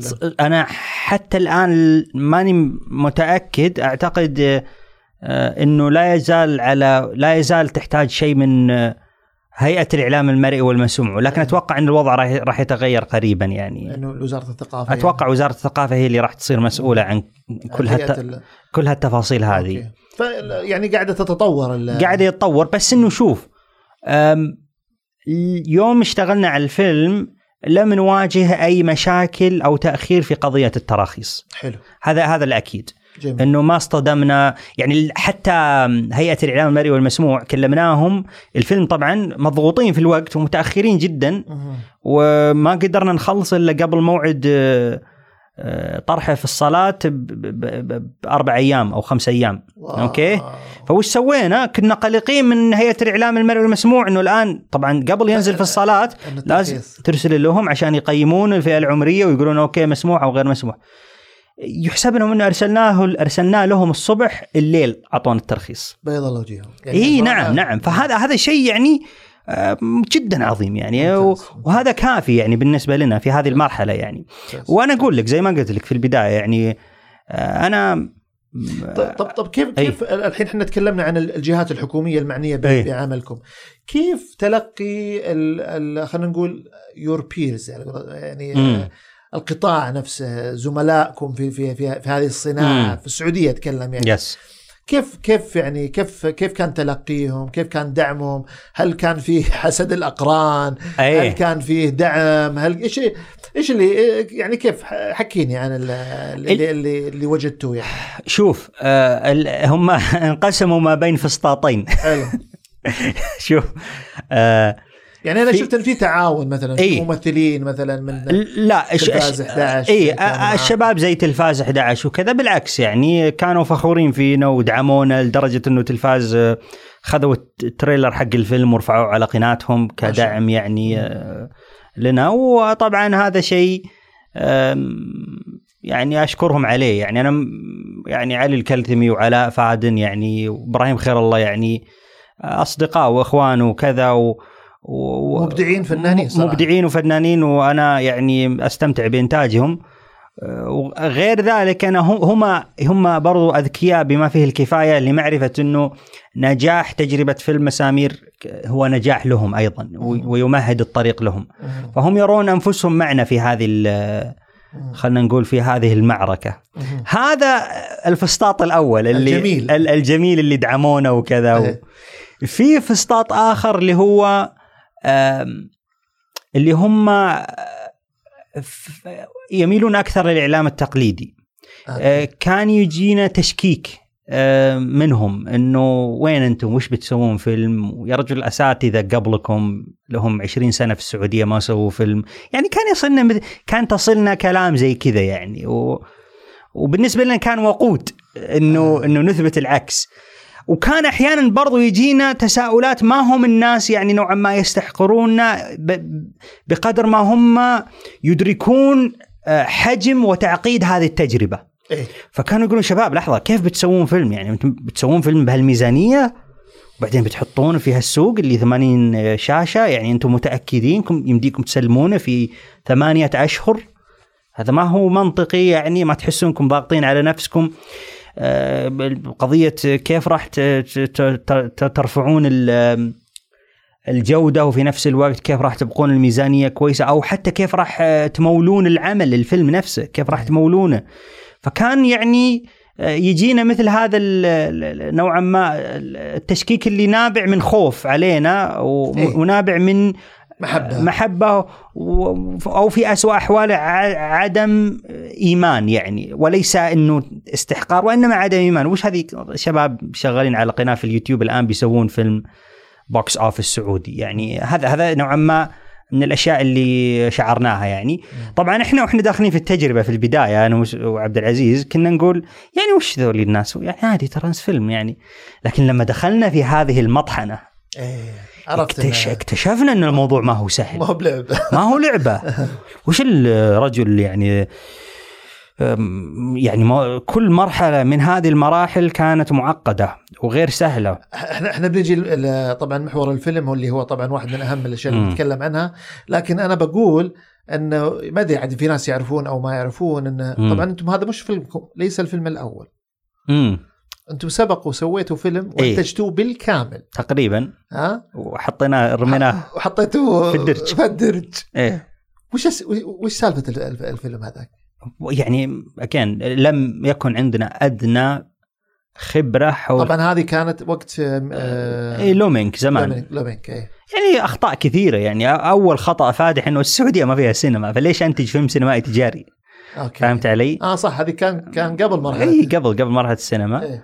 والقضية الأخرى يعني أنا على الصعيد الشخصي كمخرج برضو ما كنت يعني أقدر أتحمل مثل هذا العبء يعني وقتها. لا زلت يعني في بداياتي و... والإنتاج ما كان في السعودية كان والإنتاج خارج السعودية كان كان في غالبا. الهند. كان في الهند واصطدمنا بقضية إنه لحظة. كيف هذه التجربة؟ سلتوح إذا قال يس في ال... أو إذا قال نعم بيقول براسه زي كذا يهز راسه يهز راسه يمين يسار زي الهنود آه. طبعا هذه مبالغة بس فعلا هذا اللي صار لغة الشخصيات لغة جسد الشخصيات تغيرت. إي هذه مشكلات اللي تواجهها مباشرة لما تقرر إنك تنتج هذا العمل برا السعودية. فمكلف جدا قضية المتابعة والحرص على إنه هذه التفاصيل آه، يعني تظل موجودة ولا تضيع آه، وانت تسوي outsourcing، ال outsourcing ما هو عيب، أحيانا يكون حل جيد يعني أي. عرفت؟ لكن الإشكالية إنه لما تعمل outsourcing ما انت مو ما انت آه، يعني خلينا نقول متمكن من السيطرة على قضية الإنتاج نفسه لا تضيع اللغة وانت عندك منتج حساس لقضية الثقافة وحساس لقضية اللغة. لابد أنه يتحدث اللغة بشكل جيد ويتحدث الثقافة بشكل جيد ولابد أنه يلامس الناس بشكل كبير. فهذه من المنتجات الحساسة ثقافيا اللي ما تقدر ما هو سيارة مثلا ارسله برا ويركبون لي وخلصنا هذا منتج ثقافي فإذا خليت ناس أجانب يشتغلون عليه راح راح يضيع جزء كبير من طب الحين مو شو اسمه ديزني يشتغلون في في الفلبين انبلى انبلى بس ب... في الفلبين وفي الهند حتى بس وفي ال- الثقافة الأمريكية ثقافة عالمية ترى. هذه نقطة مهمة لابد ندركها. الثقافة الأمريكية ثقافة عالمية بمعنى كلنا كبرنا على الشخصية الأمريكية في الأفلام وكلنا عندنا تصور عن لغة جسدها معين وعن كذا. بينما الثقافة السعودية آه، بالذات إذا كان المنتج موجه لجمهور سعودي آه، لابد إنك آه، تحرص على وجودها. طبعا إشكالية إنه الثقافة السعودية لا- ليست بعد ثقافة عالمية. يعني الهندي اللي ما عمره جا السعودية ما يدري وش لغة جسد الفرد السعودي ولا يدري كيف يتكلم ولا يدري. وإن كان عنده فكرة فهي عادة صور نمطية سطحية جدا يعني ما خاطئ ما- إيه خاطئة اي فهذه من الأشياء اللي لابد إنك تستثمر فيها إذا كنت ناوي تسوي outsourcing فانت أنتم أنتجتوا الفيلم بالكامل وبعدين لما خلصتوا اكتشفتوا إن هذا الفيلم فاكتشفنا إنه الفيلم ذا ما يصلح. و... خسارة. خسارة طبعا خسارة إيه. أه، والله شوف يعني ما هو خسارة من ناحية اللي تعلمنا منه. بس أجل. تعلمتوا. تعلمنا كثير. يعني أنا كنت أقول لعبد العزيز عبد العزيز خلنا نعتبره كورس مكلف بس إنه خرجنا منه بفوائد كثيرة. وهذا اللي حصل. إنه على الصعيد التجاري كان خسارة. أي بس طبعا فيلم مسامير لم يكن لا الحمد لله طلعنا منك نبي نعرف الحين أنا. نبي نعرف الحين آه، فيلم مسامير في البداية متى قررتوا تسوون فيلم؟ أول ما أعلنوا عن السماح بصالات السينما في السعودية دق علي المزيني قال مالك بنسوي فيلم. كذا. كذا. okay. كذا. لأن نشعر أن السينما هي التطور الطبيعي لحالتنا ولأن نشعر أنها حل جيد لم- لمشاكل ال business model اللي كنا ما كان نواجهها هذه مجازفة خطيرة حتما حتما حتما. إي إي يعني ما كانت ممكن تنهيكم؟ إلا طبعا لو لو فشل الفيلم لا قدر الله قفلت ميركوت. كذا. إي بكل بساطة. طيب. يعني آه، الفيلم يعني شوف أنا إيش إيش الأشياء اللي تقدر تشاركنا فيها يعني مثلا عن تكاليف الفيلم يعني ما زال إلى الان الناس تسأل عن تكاليف الفيلم أنا ما أقدر أقول أرقام دخل, دخل الفيلم إي إي. كم دخل يعني شركائكم المنت... اللي دخلوا معاكم في الإنتاج إي. وال... و... إي. واللي هم حقين ال- دخلوا ربح، السينمات دخ- ال- دخلوا ربح كانوا. سعيدين بهذه التجربة نعم نعم الحمد لله دخلوا ربح كويس أها. وأنا أشوف في في يعني السينما عرفتوا كم يعني مثلا كم كان العدد ال- المشاهدين أو شيء؟ عندكم أرقام؟ بيع أكثر من 150 ألف تذكرة. 150 ألف تذكرة. فوق 150 ألف تذكرة. هذه بالمجمل ولا داخل السعودية فقط؟ بالم... بالمجمل أتوقع. بالمجمل. بس تقريبا 80% 90% في السعودية؟ أي أغلبها في السعودية. أوكي. وهذا كان رقم كافي إنه آه، نطلع ميزانية الفيلم وأرباح. غير طبعا الفيلم ليس وحده عادة ترى الفيلم ليس فقط التذاكر آه، حقته ولا طبعا كان فيه آه، كان في رعايات وكان. وكان في أيضا آه، رخص توزيع ما بعد العرض السينمائي هذه نتفلكس اشتروا إيه. رخصة عرضه إيه.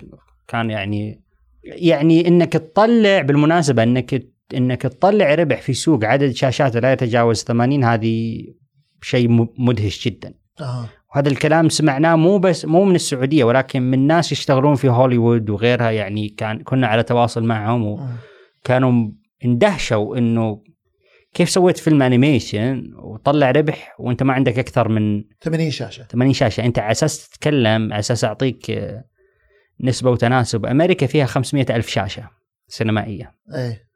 هذا حجم سوق وهذا يعتبر حجم سوق طبيعي. مهم. 500 ألف شاشة. أنت تتكلم عن السعودية خم... 80 شاشة والسوق بناء على دراسات المختصين لم يتجاوز 10% من حجم الشاشات ال- المعقول بالنسبة لعدد السكان. فلا يزال الس... يعني basically كان في فرصة إنه لو في المسامير. بحسبتنا لو في المسامير نزل بعد سنتين أو ثلاثة لما عدد الشاشات يصل saturation معقول. وأدى نفس الأداء مهم. قد يكون طلع فوق 1500% ما شاء الله. عرفت علي؟ فهذه يوريك ال potential في السوق عندنا. يعني كيف إنه ممكن يكون سوق ضخم يعني جدا. أنتم تعتبرون هذا زي خلوا قولتهم proof of concept هو proof of concept وكان مربح؟ وكان مربح ولو إن. بعض الجهات تعتبر أحيانا تستثمر في هذا الموضوع. ولكن أنتم كان بالنسبة لكم التجربة الأولى هذه كانت مربحة. هل تتع... هل تعتقد أنها سوف تغري المنتجين؟ yes yes المنتجين؟ حتما إيه، حتما. هذا اللي صاير آه إنه إحنا آه، يعني زميلي عبد العزيز مزيني حريص على قضية أيضا آه من ناحية وعينا برضو بالسوق يعني لنا مسؤولية على على, على السوق نفسه إنه نوعي المستثمرين على الموضوع هذا. طبعا قاعدين نشاركهم التجربة كأرقام أيضا ونقول لهم كذا وكذا وترى هذا ينفع هذا ما ينفع. فقاعدين حتى نعطيهم يعني توصيات بناء على تجربتنا الأولى على كيف إنه يستديمون النجاح. لأنه يهمنا لأهداف أنانية بحتة يهمنا إن السوق يكون نظيف وإنه الناس يشتغلون فيه وإنه الناس يكسبون فيه. آه، لأنه هذا على المدى البعيد راح يكون له أثر جيد مو بس علينا في ميركوت لكن على الصناعة نفسها في السعودية إن شاء الله. جميل طيب آه، يعني هذه التجربة يعني كيف كيف كيف تقيمها؟ إحنا طبعا ما نبغى نتكلم عن الجانب إحنا في برنامج هذا لن نتناول الجانب الفني ون- وننقد الفيلم. من الناحية الفنية ولا ولا الإبداعية ما لنا ما لنا شغل بالجانب الإبداعي يعني الجانب الإبداعي مجال آخر غير غير غير غير بودكاست جينا.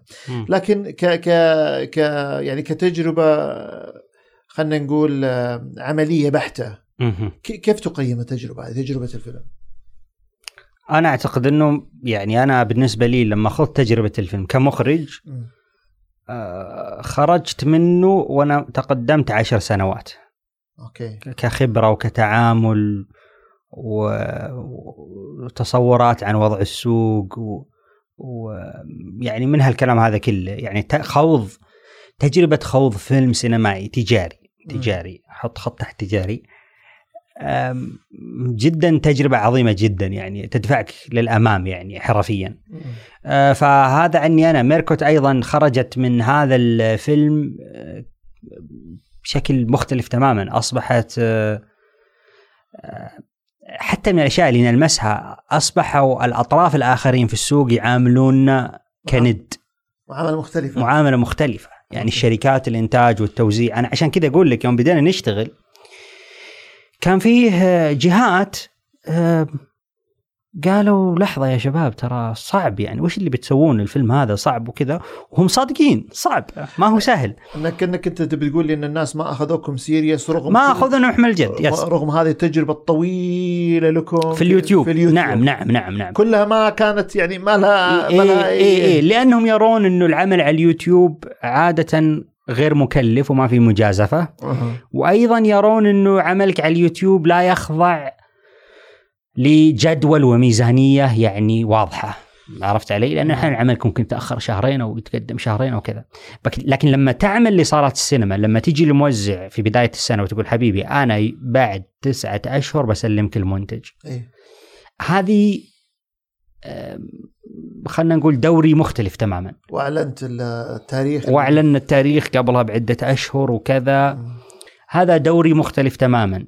فبالتالي آه، يجعل الآخرين يحترمونك. اذا إذا نجحت في تسليم المنتج راح يغير من معاملة الآخرين. وأنا أظن وهذا على فكرة اللي لمسناه. مباشرة بعد ما نجح الفيلم ونزل على الصالات وكذا تغيرت اللغة معنا تماما.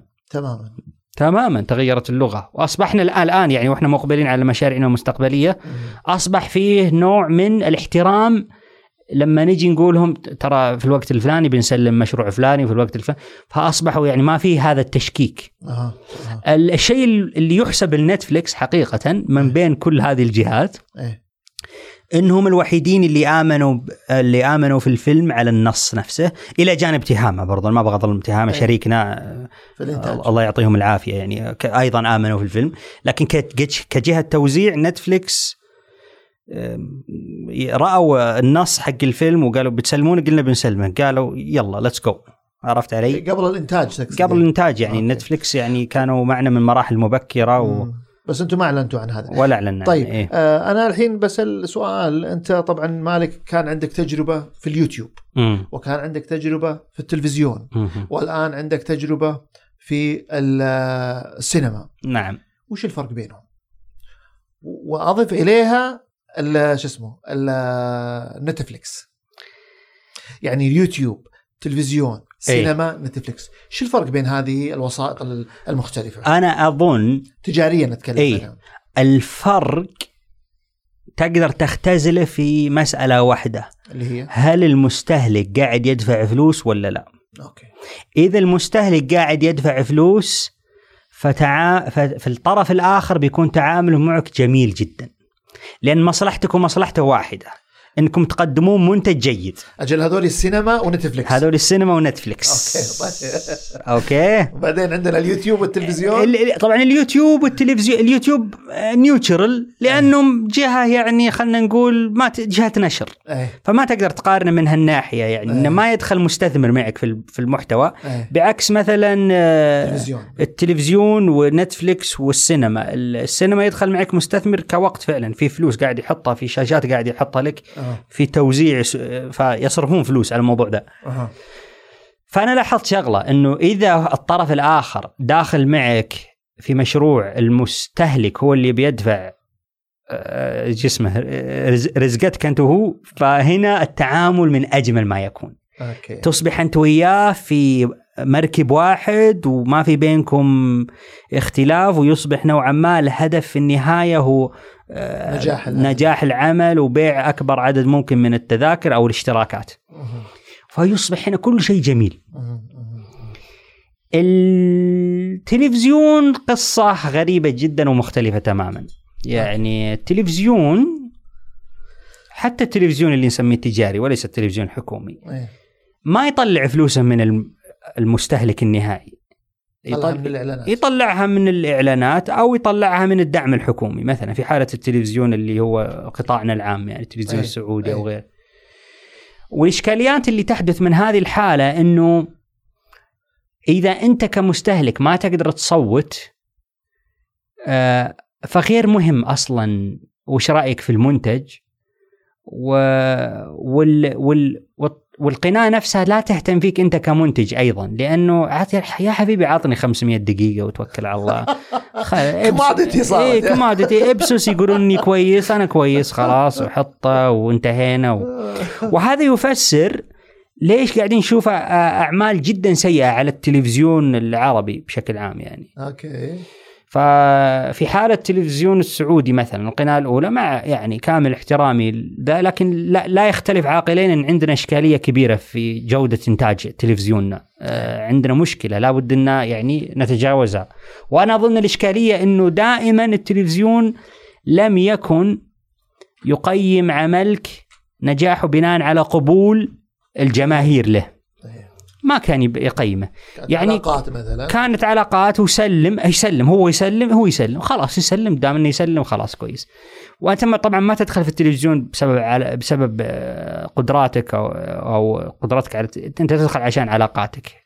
في كل التلفزيون. هذا الحال. العلاقات لها دور طبعا إيه. بس إنها مشكلة إذا أصبحت هي كل شيء. إيه. فلما يصير عندك هذه الحالة حالة إنه أنت غير مهم كمشاهد تبدأ تخرج هذه النماذج الغريبة اللي نشوفها على التلفزيون. تبدأ تخرج يخرج محتوى الناس ما له قبول ومهما صرخ الناس. يعني تخيل محمد أنت تبيع منتج ويجونك الناس يقول يا محمد وش ذا وش ذا العمل السيء؟ يا أخي فكنا منه بس فلوسك ما طلعتها من ذا اللي يبكي. فلوسها طلعتها من أبوك. أبوك جاء قال محمد شاطر خذ فلوس هل تعتقد إنك السنة الجاية بترجع بعمل مختلف؟ ابدا. لا هذا غير مهم بالنسبة لك الشخص اللي قال يا أخي وش ذا؟ ليش ما تعطوني اللي ابغاه فراح تستمر على نفس التصرف يعني. مم. يعني بتكون مجنون أصلا إذا استمعت لهذا اللي يصرخ لأنه ما هو هو الشخص اللي يهمك رضاه. فأنت المهم رضا المعلن عندك. ولهالت... ولهالسبب لما تشوف مسلسل على التلفزيون كل ثلاث دقائق يقاطع بإعلان لأنك أنت يا حبيبي غير مهم. فهمت علي؟ فأنا في ظني هو مهم لأنه هو أساسا الإعلان ما حيجيه المعلن إلا إذا كان في واحد يشاهد. حتما ولا؟ حتما. لا بس أنا أعتقد إن المعلن ملعوب عليه أصلا. إيه. المعلن مل- ملعوب عليه. ملعوب عليه المعلن مسكين.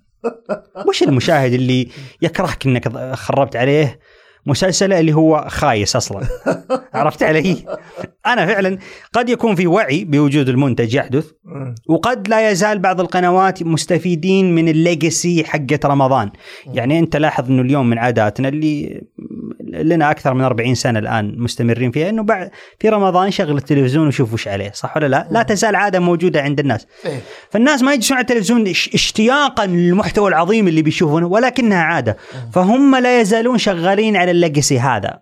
وليس على بنية تحتية حق... نجاح حقيقي عرفت بنية نجاح حقيقي واقفين عليه فأنا أخشى على التلفزيون أنه إذا استمر الوضع كما هو. طبعا. الوضع الآن أنا بالنسبة لي أشوف أنه وصل في لمراحل تردي عظيمة ولا بد من تدخل يعني وحل الإشكالية هذه تماما. تدخل جراحي. تدخل جراحي. يعني أحد الحلول إنه أه، يعني اجين القنوات التجارية ما لنا شغل فيها هذه يم- يمتلكها القطاع الخاص. بس أنا كشخص يعني خلينا نقول قلبي على على على قنواتنا العامة يعني أنصح إنه لا يصبح المقياس لما ل- لما يسلم المقياس بتسليم خام دقائق خام. هذا ما هو المقياس. المقياس لابد يكون آه، طرف ثالث مستقل آه، يعني آه، يقيم هذا يقيم إنه الأعمال هذه لقت قبول عند الناس. هذه الأعمال وهذا هو الم- المقياس الحقيقي لهل الاستثمار كان ناجح أو لا. أوكي. أما إنه يسلم 2000 دقيقة وذا و- وطبعا مؤسف هذا الشيء لأنه لا إحنا عانينا من هالحالة لأنه جونا أكثر من مرة ناس قالوا قالوا نبغاكم تسلمون 3000 دقيقة. قلت يا صاحي أنا اسلم لك 3000 دقيقة.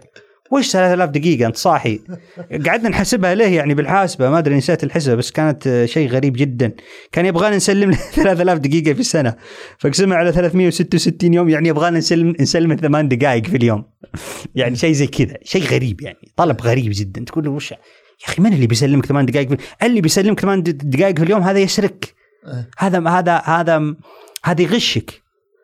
فنقعد ننصحهم نقول يا جماعة الخير خففوا عدد الدقائق. ترى الموضوع ما له علاقة. يعني شوف فيلم باراسايت الكوري هذا اللي حاز على أوسكار. إيه. مدته 90 دقيقة فقط ولكن حقق من الأهداف الثقافية ما لا تحققه عشرة آلاف دقيقة. صحيح. فهمت علي؟ مم. فالموضوع يعني يعني يعني هذا الجانب المفروض تطالع فيه الجهات الحكومية إنه نعم نعم نعم الأثر اللي مش الأثر المتعدي اللي هي ما يسمى القوة الناعمة ولا نعم،. نعم، إي- إي. النظر لهذا لأن لأنه هذا عموما أهداف القطاع العام عموما بالضبط، من, ال- إيه، من بالضبط، مثل هذا بالضبط. العمل يعني طيب أنتم كان عندكم تجربة بعد أعتقد آه، غير هذه الأشياء اللي ذكرناها اللي هي آه، كنتوا تنزلون الحلقات على تطبيق الظاهر يا على الجوال على الجوال زي نزلنا على الجوال إيه. زمان كان عندنا تجربة ننزل مقاطع أسبوعية إيه اشتراك مسامير على الجوال في في شيء اسمه ستار, ستار ب... إيه هذا بيجيك ليها بس أنا أقول لك إنه قبلها قبل التجربة ذي هذه إيه. اللي تتكلم عنها كان في عندنا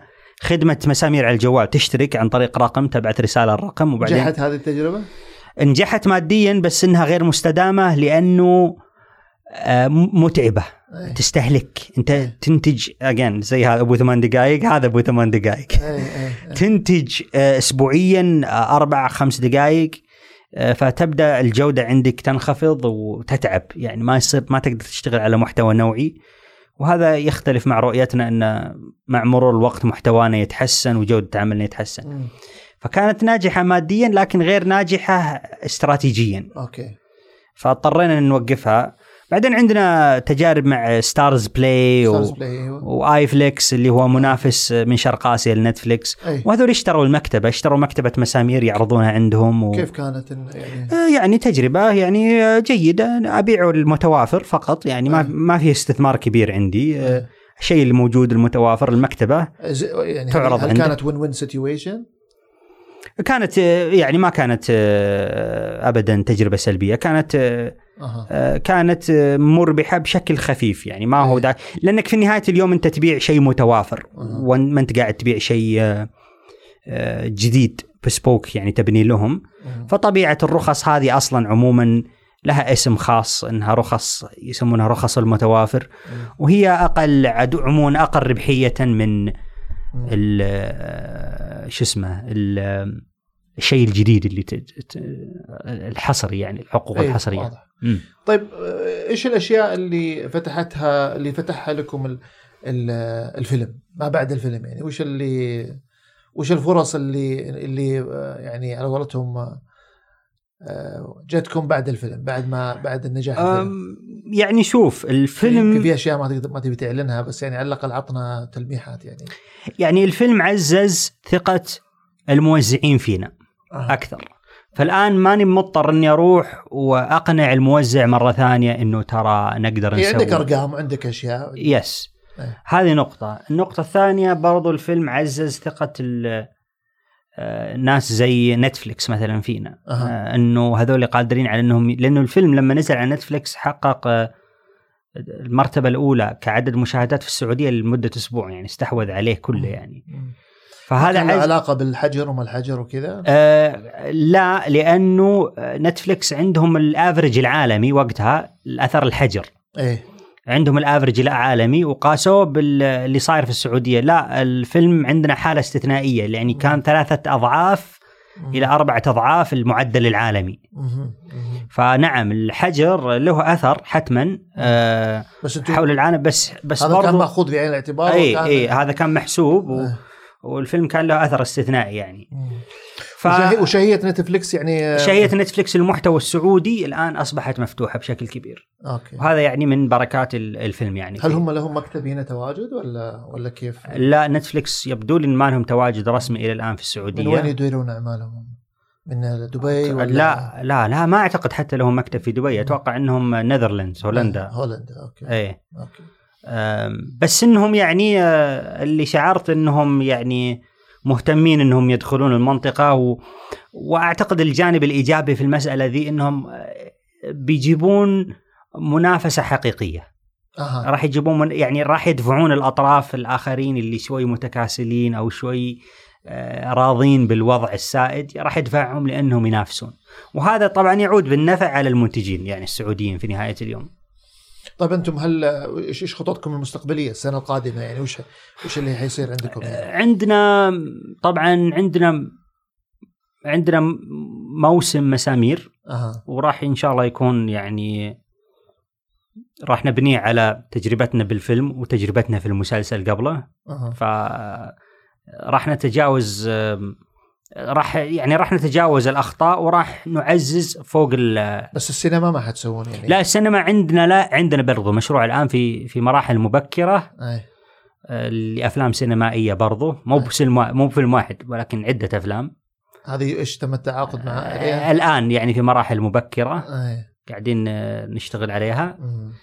آه، وأيضا عندنا عندنا مسلسل جديد غير مسامير. أي.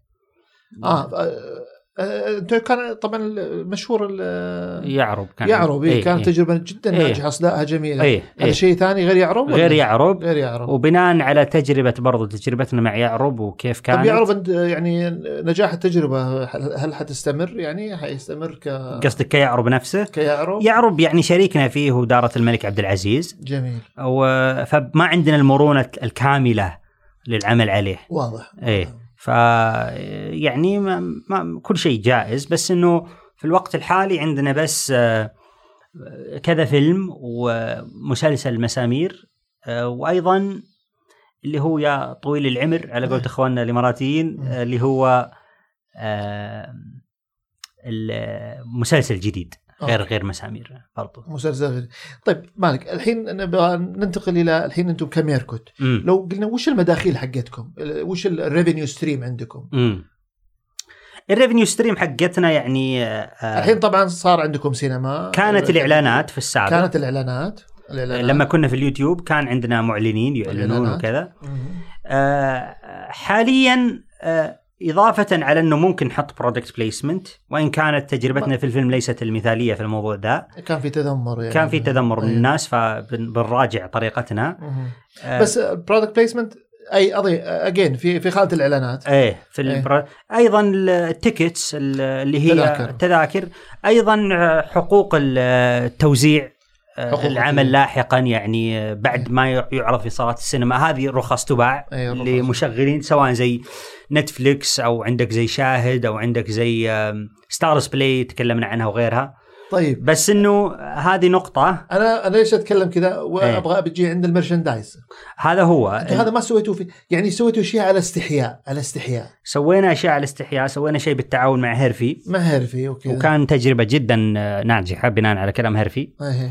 آه، طبعا ال merchandise حول العالم هو واحدة يعني من أهم تسوون الكلب هذا أنا أول واحد أروح أشتري ال في في في بالمناسبة في شغلة أخرى اللي هي الحقوق ال- ال- الملكية الفكرية للعمل برضو رخص رخص الملكية الفكرية. هذه أيضا من الأشياء اللي نطلع منها على قولتهم قراشات اللي هي تبع ال merchandise قصدك؟ اي ال merchandise. إيه. فعندنا تجارب وتجاربها يعني آه، حتى الآن آه، آه، لم تصل لم أص- تصل إلى إلى صراحة ال- ال potential الكامل لها.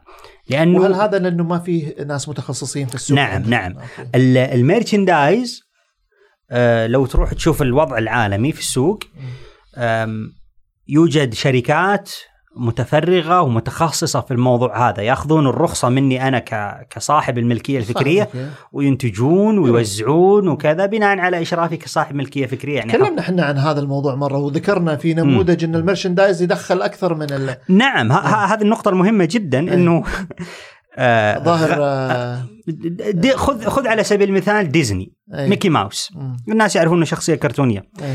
بس بالنسبة لديزني ميكي ماوس ما هو شخصية كرتونية ميكي ماوس هو ملكية فكرية و 95% إلى إلى إلى 97% من الدخل حق هذه الملكية الفكرية يكون من ال merchandise عجيب نعم إيه.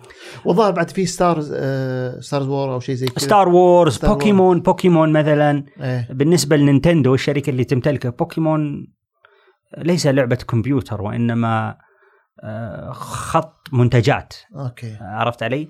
وهذه فرصة كبيرة يعني أنا صراحة يعني أقول إنه إن كان أحد مم. يبغى يستثمر في هالمجال فأنا أعتقد إنه راح يحظى بنجاح كبير مم. ليس اختراع العجلة ما ما يبغى يخت... ما يحتاج يخترع شيء جديد. هذا بزنس موجود حول العالم و و يعني مجرب وما هو شيء جديد. آه، إحنا فقط آه، السبب ممكن أحد يسأل يقول طيب أنت ليش مالك ما تسويه دام إنك تقول إنه كويس. يعني أس- هدك أعتقد إنه هدك آه، يعني. السبب إنه ما هو مجال عملي. ولا هو مجال عمل. ليس مجال عملي. في إنتاج وفي مجال. مجال مختلف تماما. إذا بديت تنشغل فيه راح يشغلك عن مجالك الأساسي. ال supply chain حقه مختلف تماما supply chain وكذا فبالتالي بالنسبة لي أنا الحل المنطقي والمقبول الوحيد إنه أعطي طرف ثاني الرخصة وهو ينتج وكذا ويطلع. ليش ما سويتوا الشيء هذا؟ ما في. جونا أطراف و...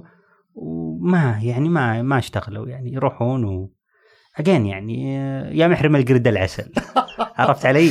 طيب. ففي يعني يجي أطراف بس ما في أحد يأخذ الموضوع بشكل ما أحد يأخذ الموضوع بشكل جدي. يعني قد يعني نظريتي يمكن إنهم يصطدمون بأنه الموضوع ليس بالسهولة اللي يتخيلونها. إيه، يبي لك واحد خبير يعني هذه شغلة. إيه وطبعا اللي يعتقد إنه الموضوع بيكون سهل مخطئ. يعني ما في شيء سهل يعني ما ما في نجاح سهل.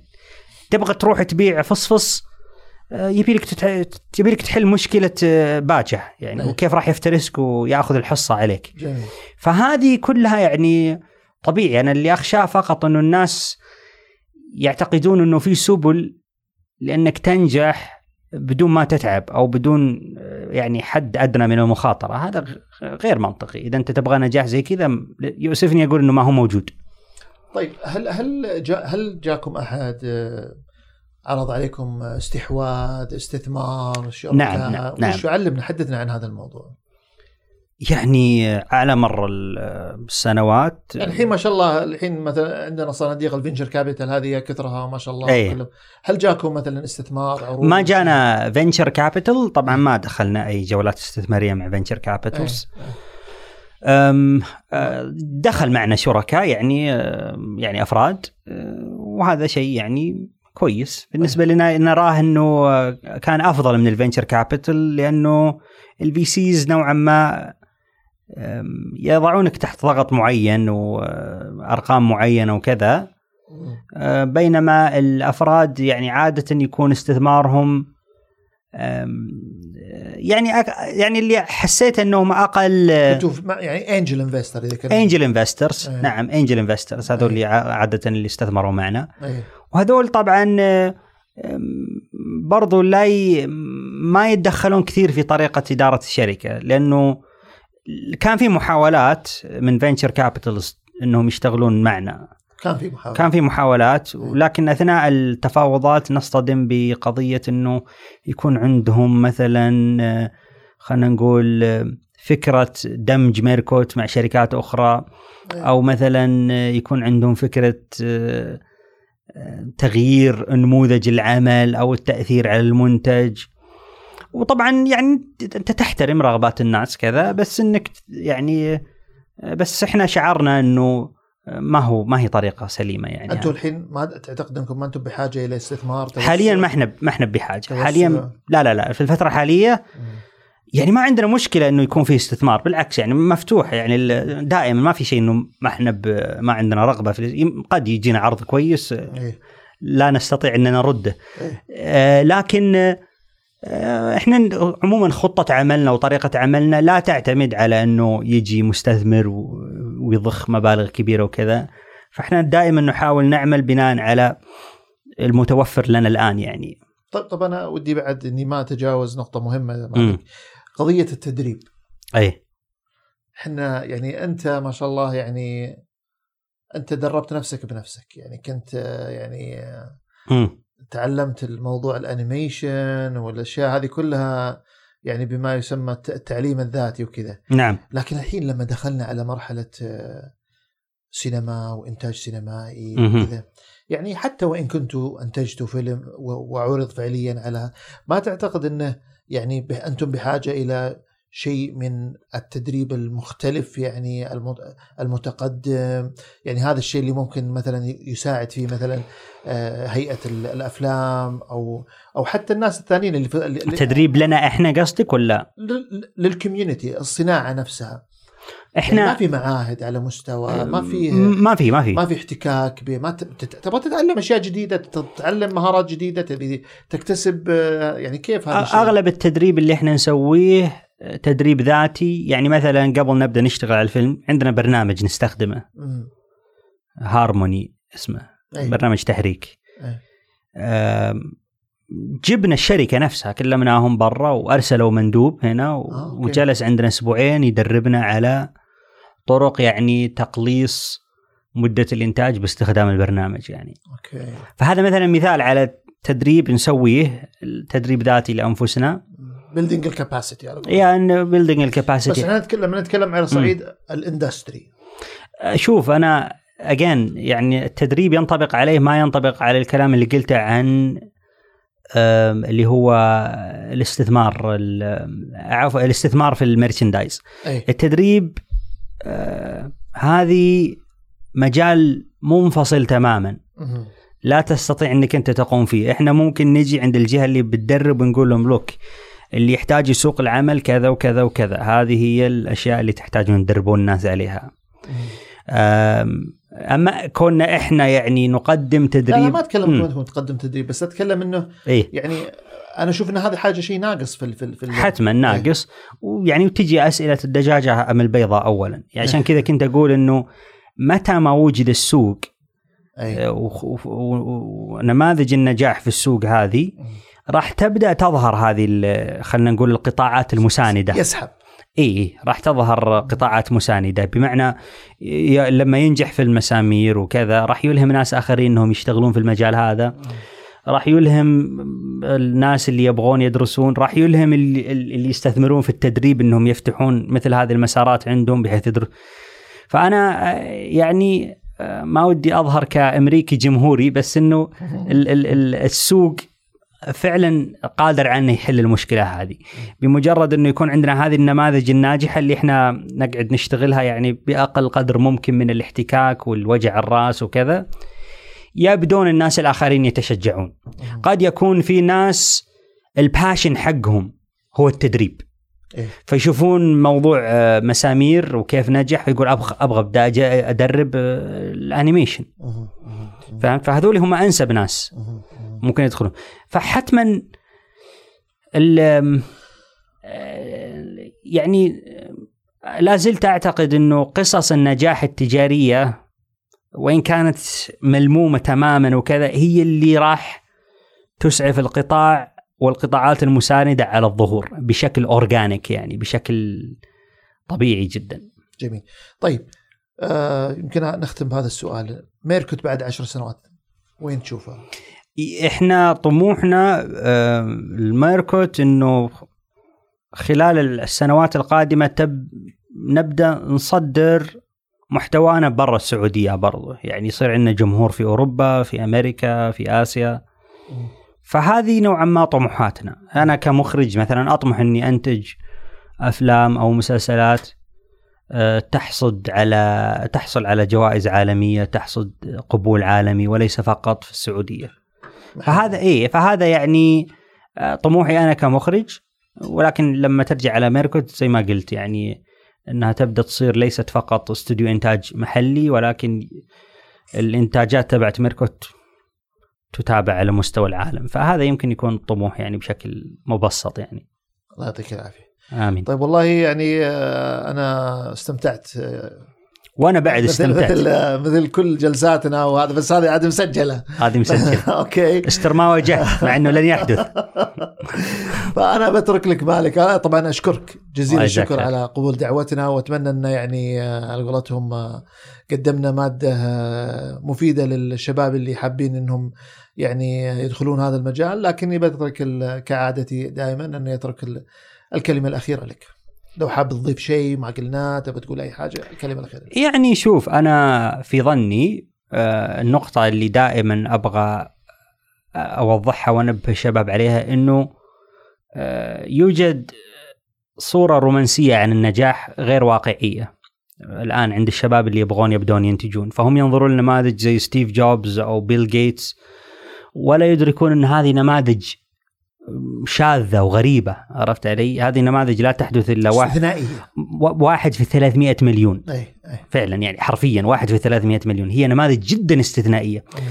يوجد نماذج للنجاح أقل وهجا وأقل خلينا نقول خلينا نقول اغراء لكنها نماذج حقيقية.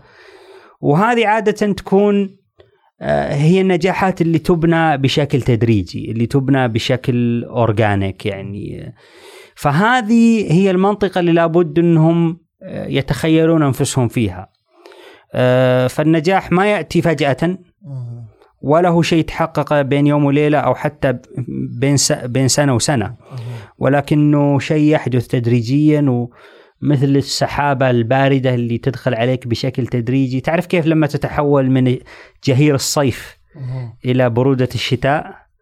آه، هذا تحول تدريجيا. تدريجي. فهذا هذا في ظني إنه كذا لأنه أنا لما كنت أسأل نفسي دائما السؤال هذا هل أنا ناجح؟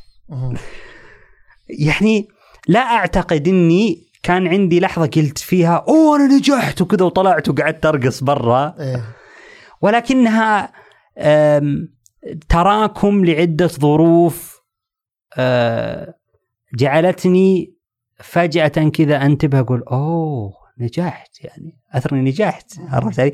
ولم يكن ذيك الصدمة اللي فجأة حدثت يعني مو ب click آه، ليس off. ليس زر. on off وحتما يعني يأتي الحديث عن أنت ما يعني الوقوع ليس فشل. يعني آه، أو أو الفشل الفشل والنجاح برضو عموما ليست حالتين دائمتين.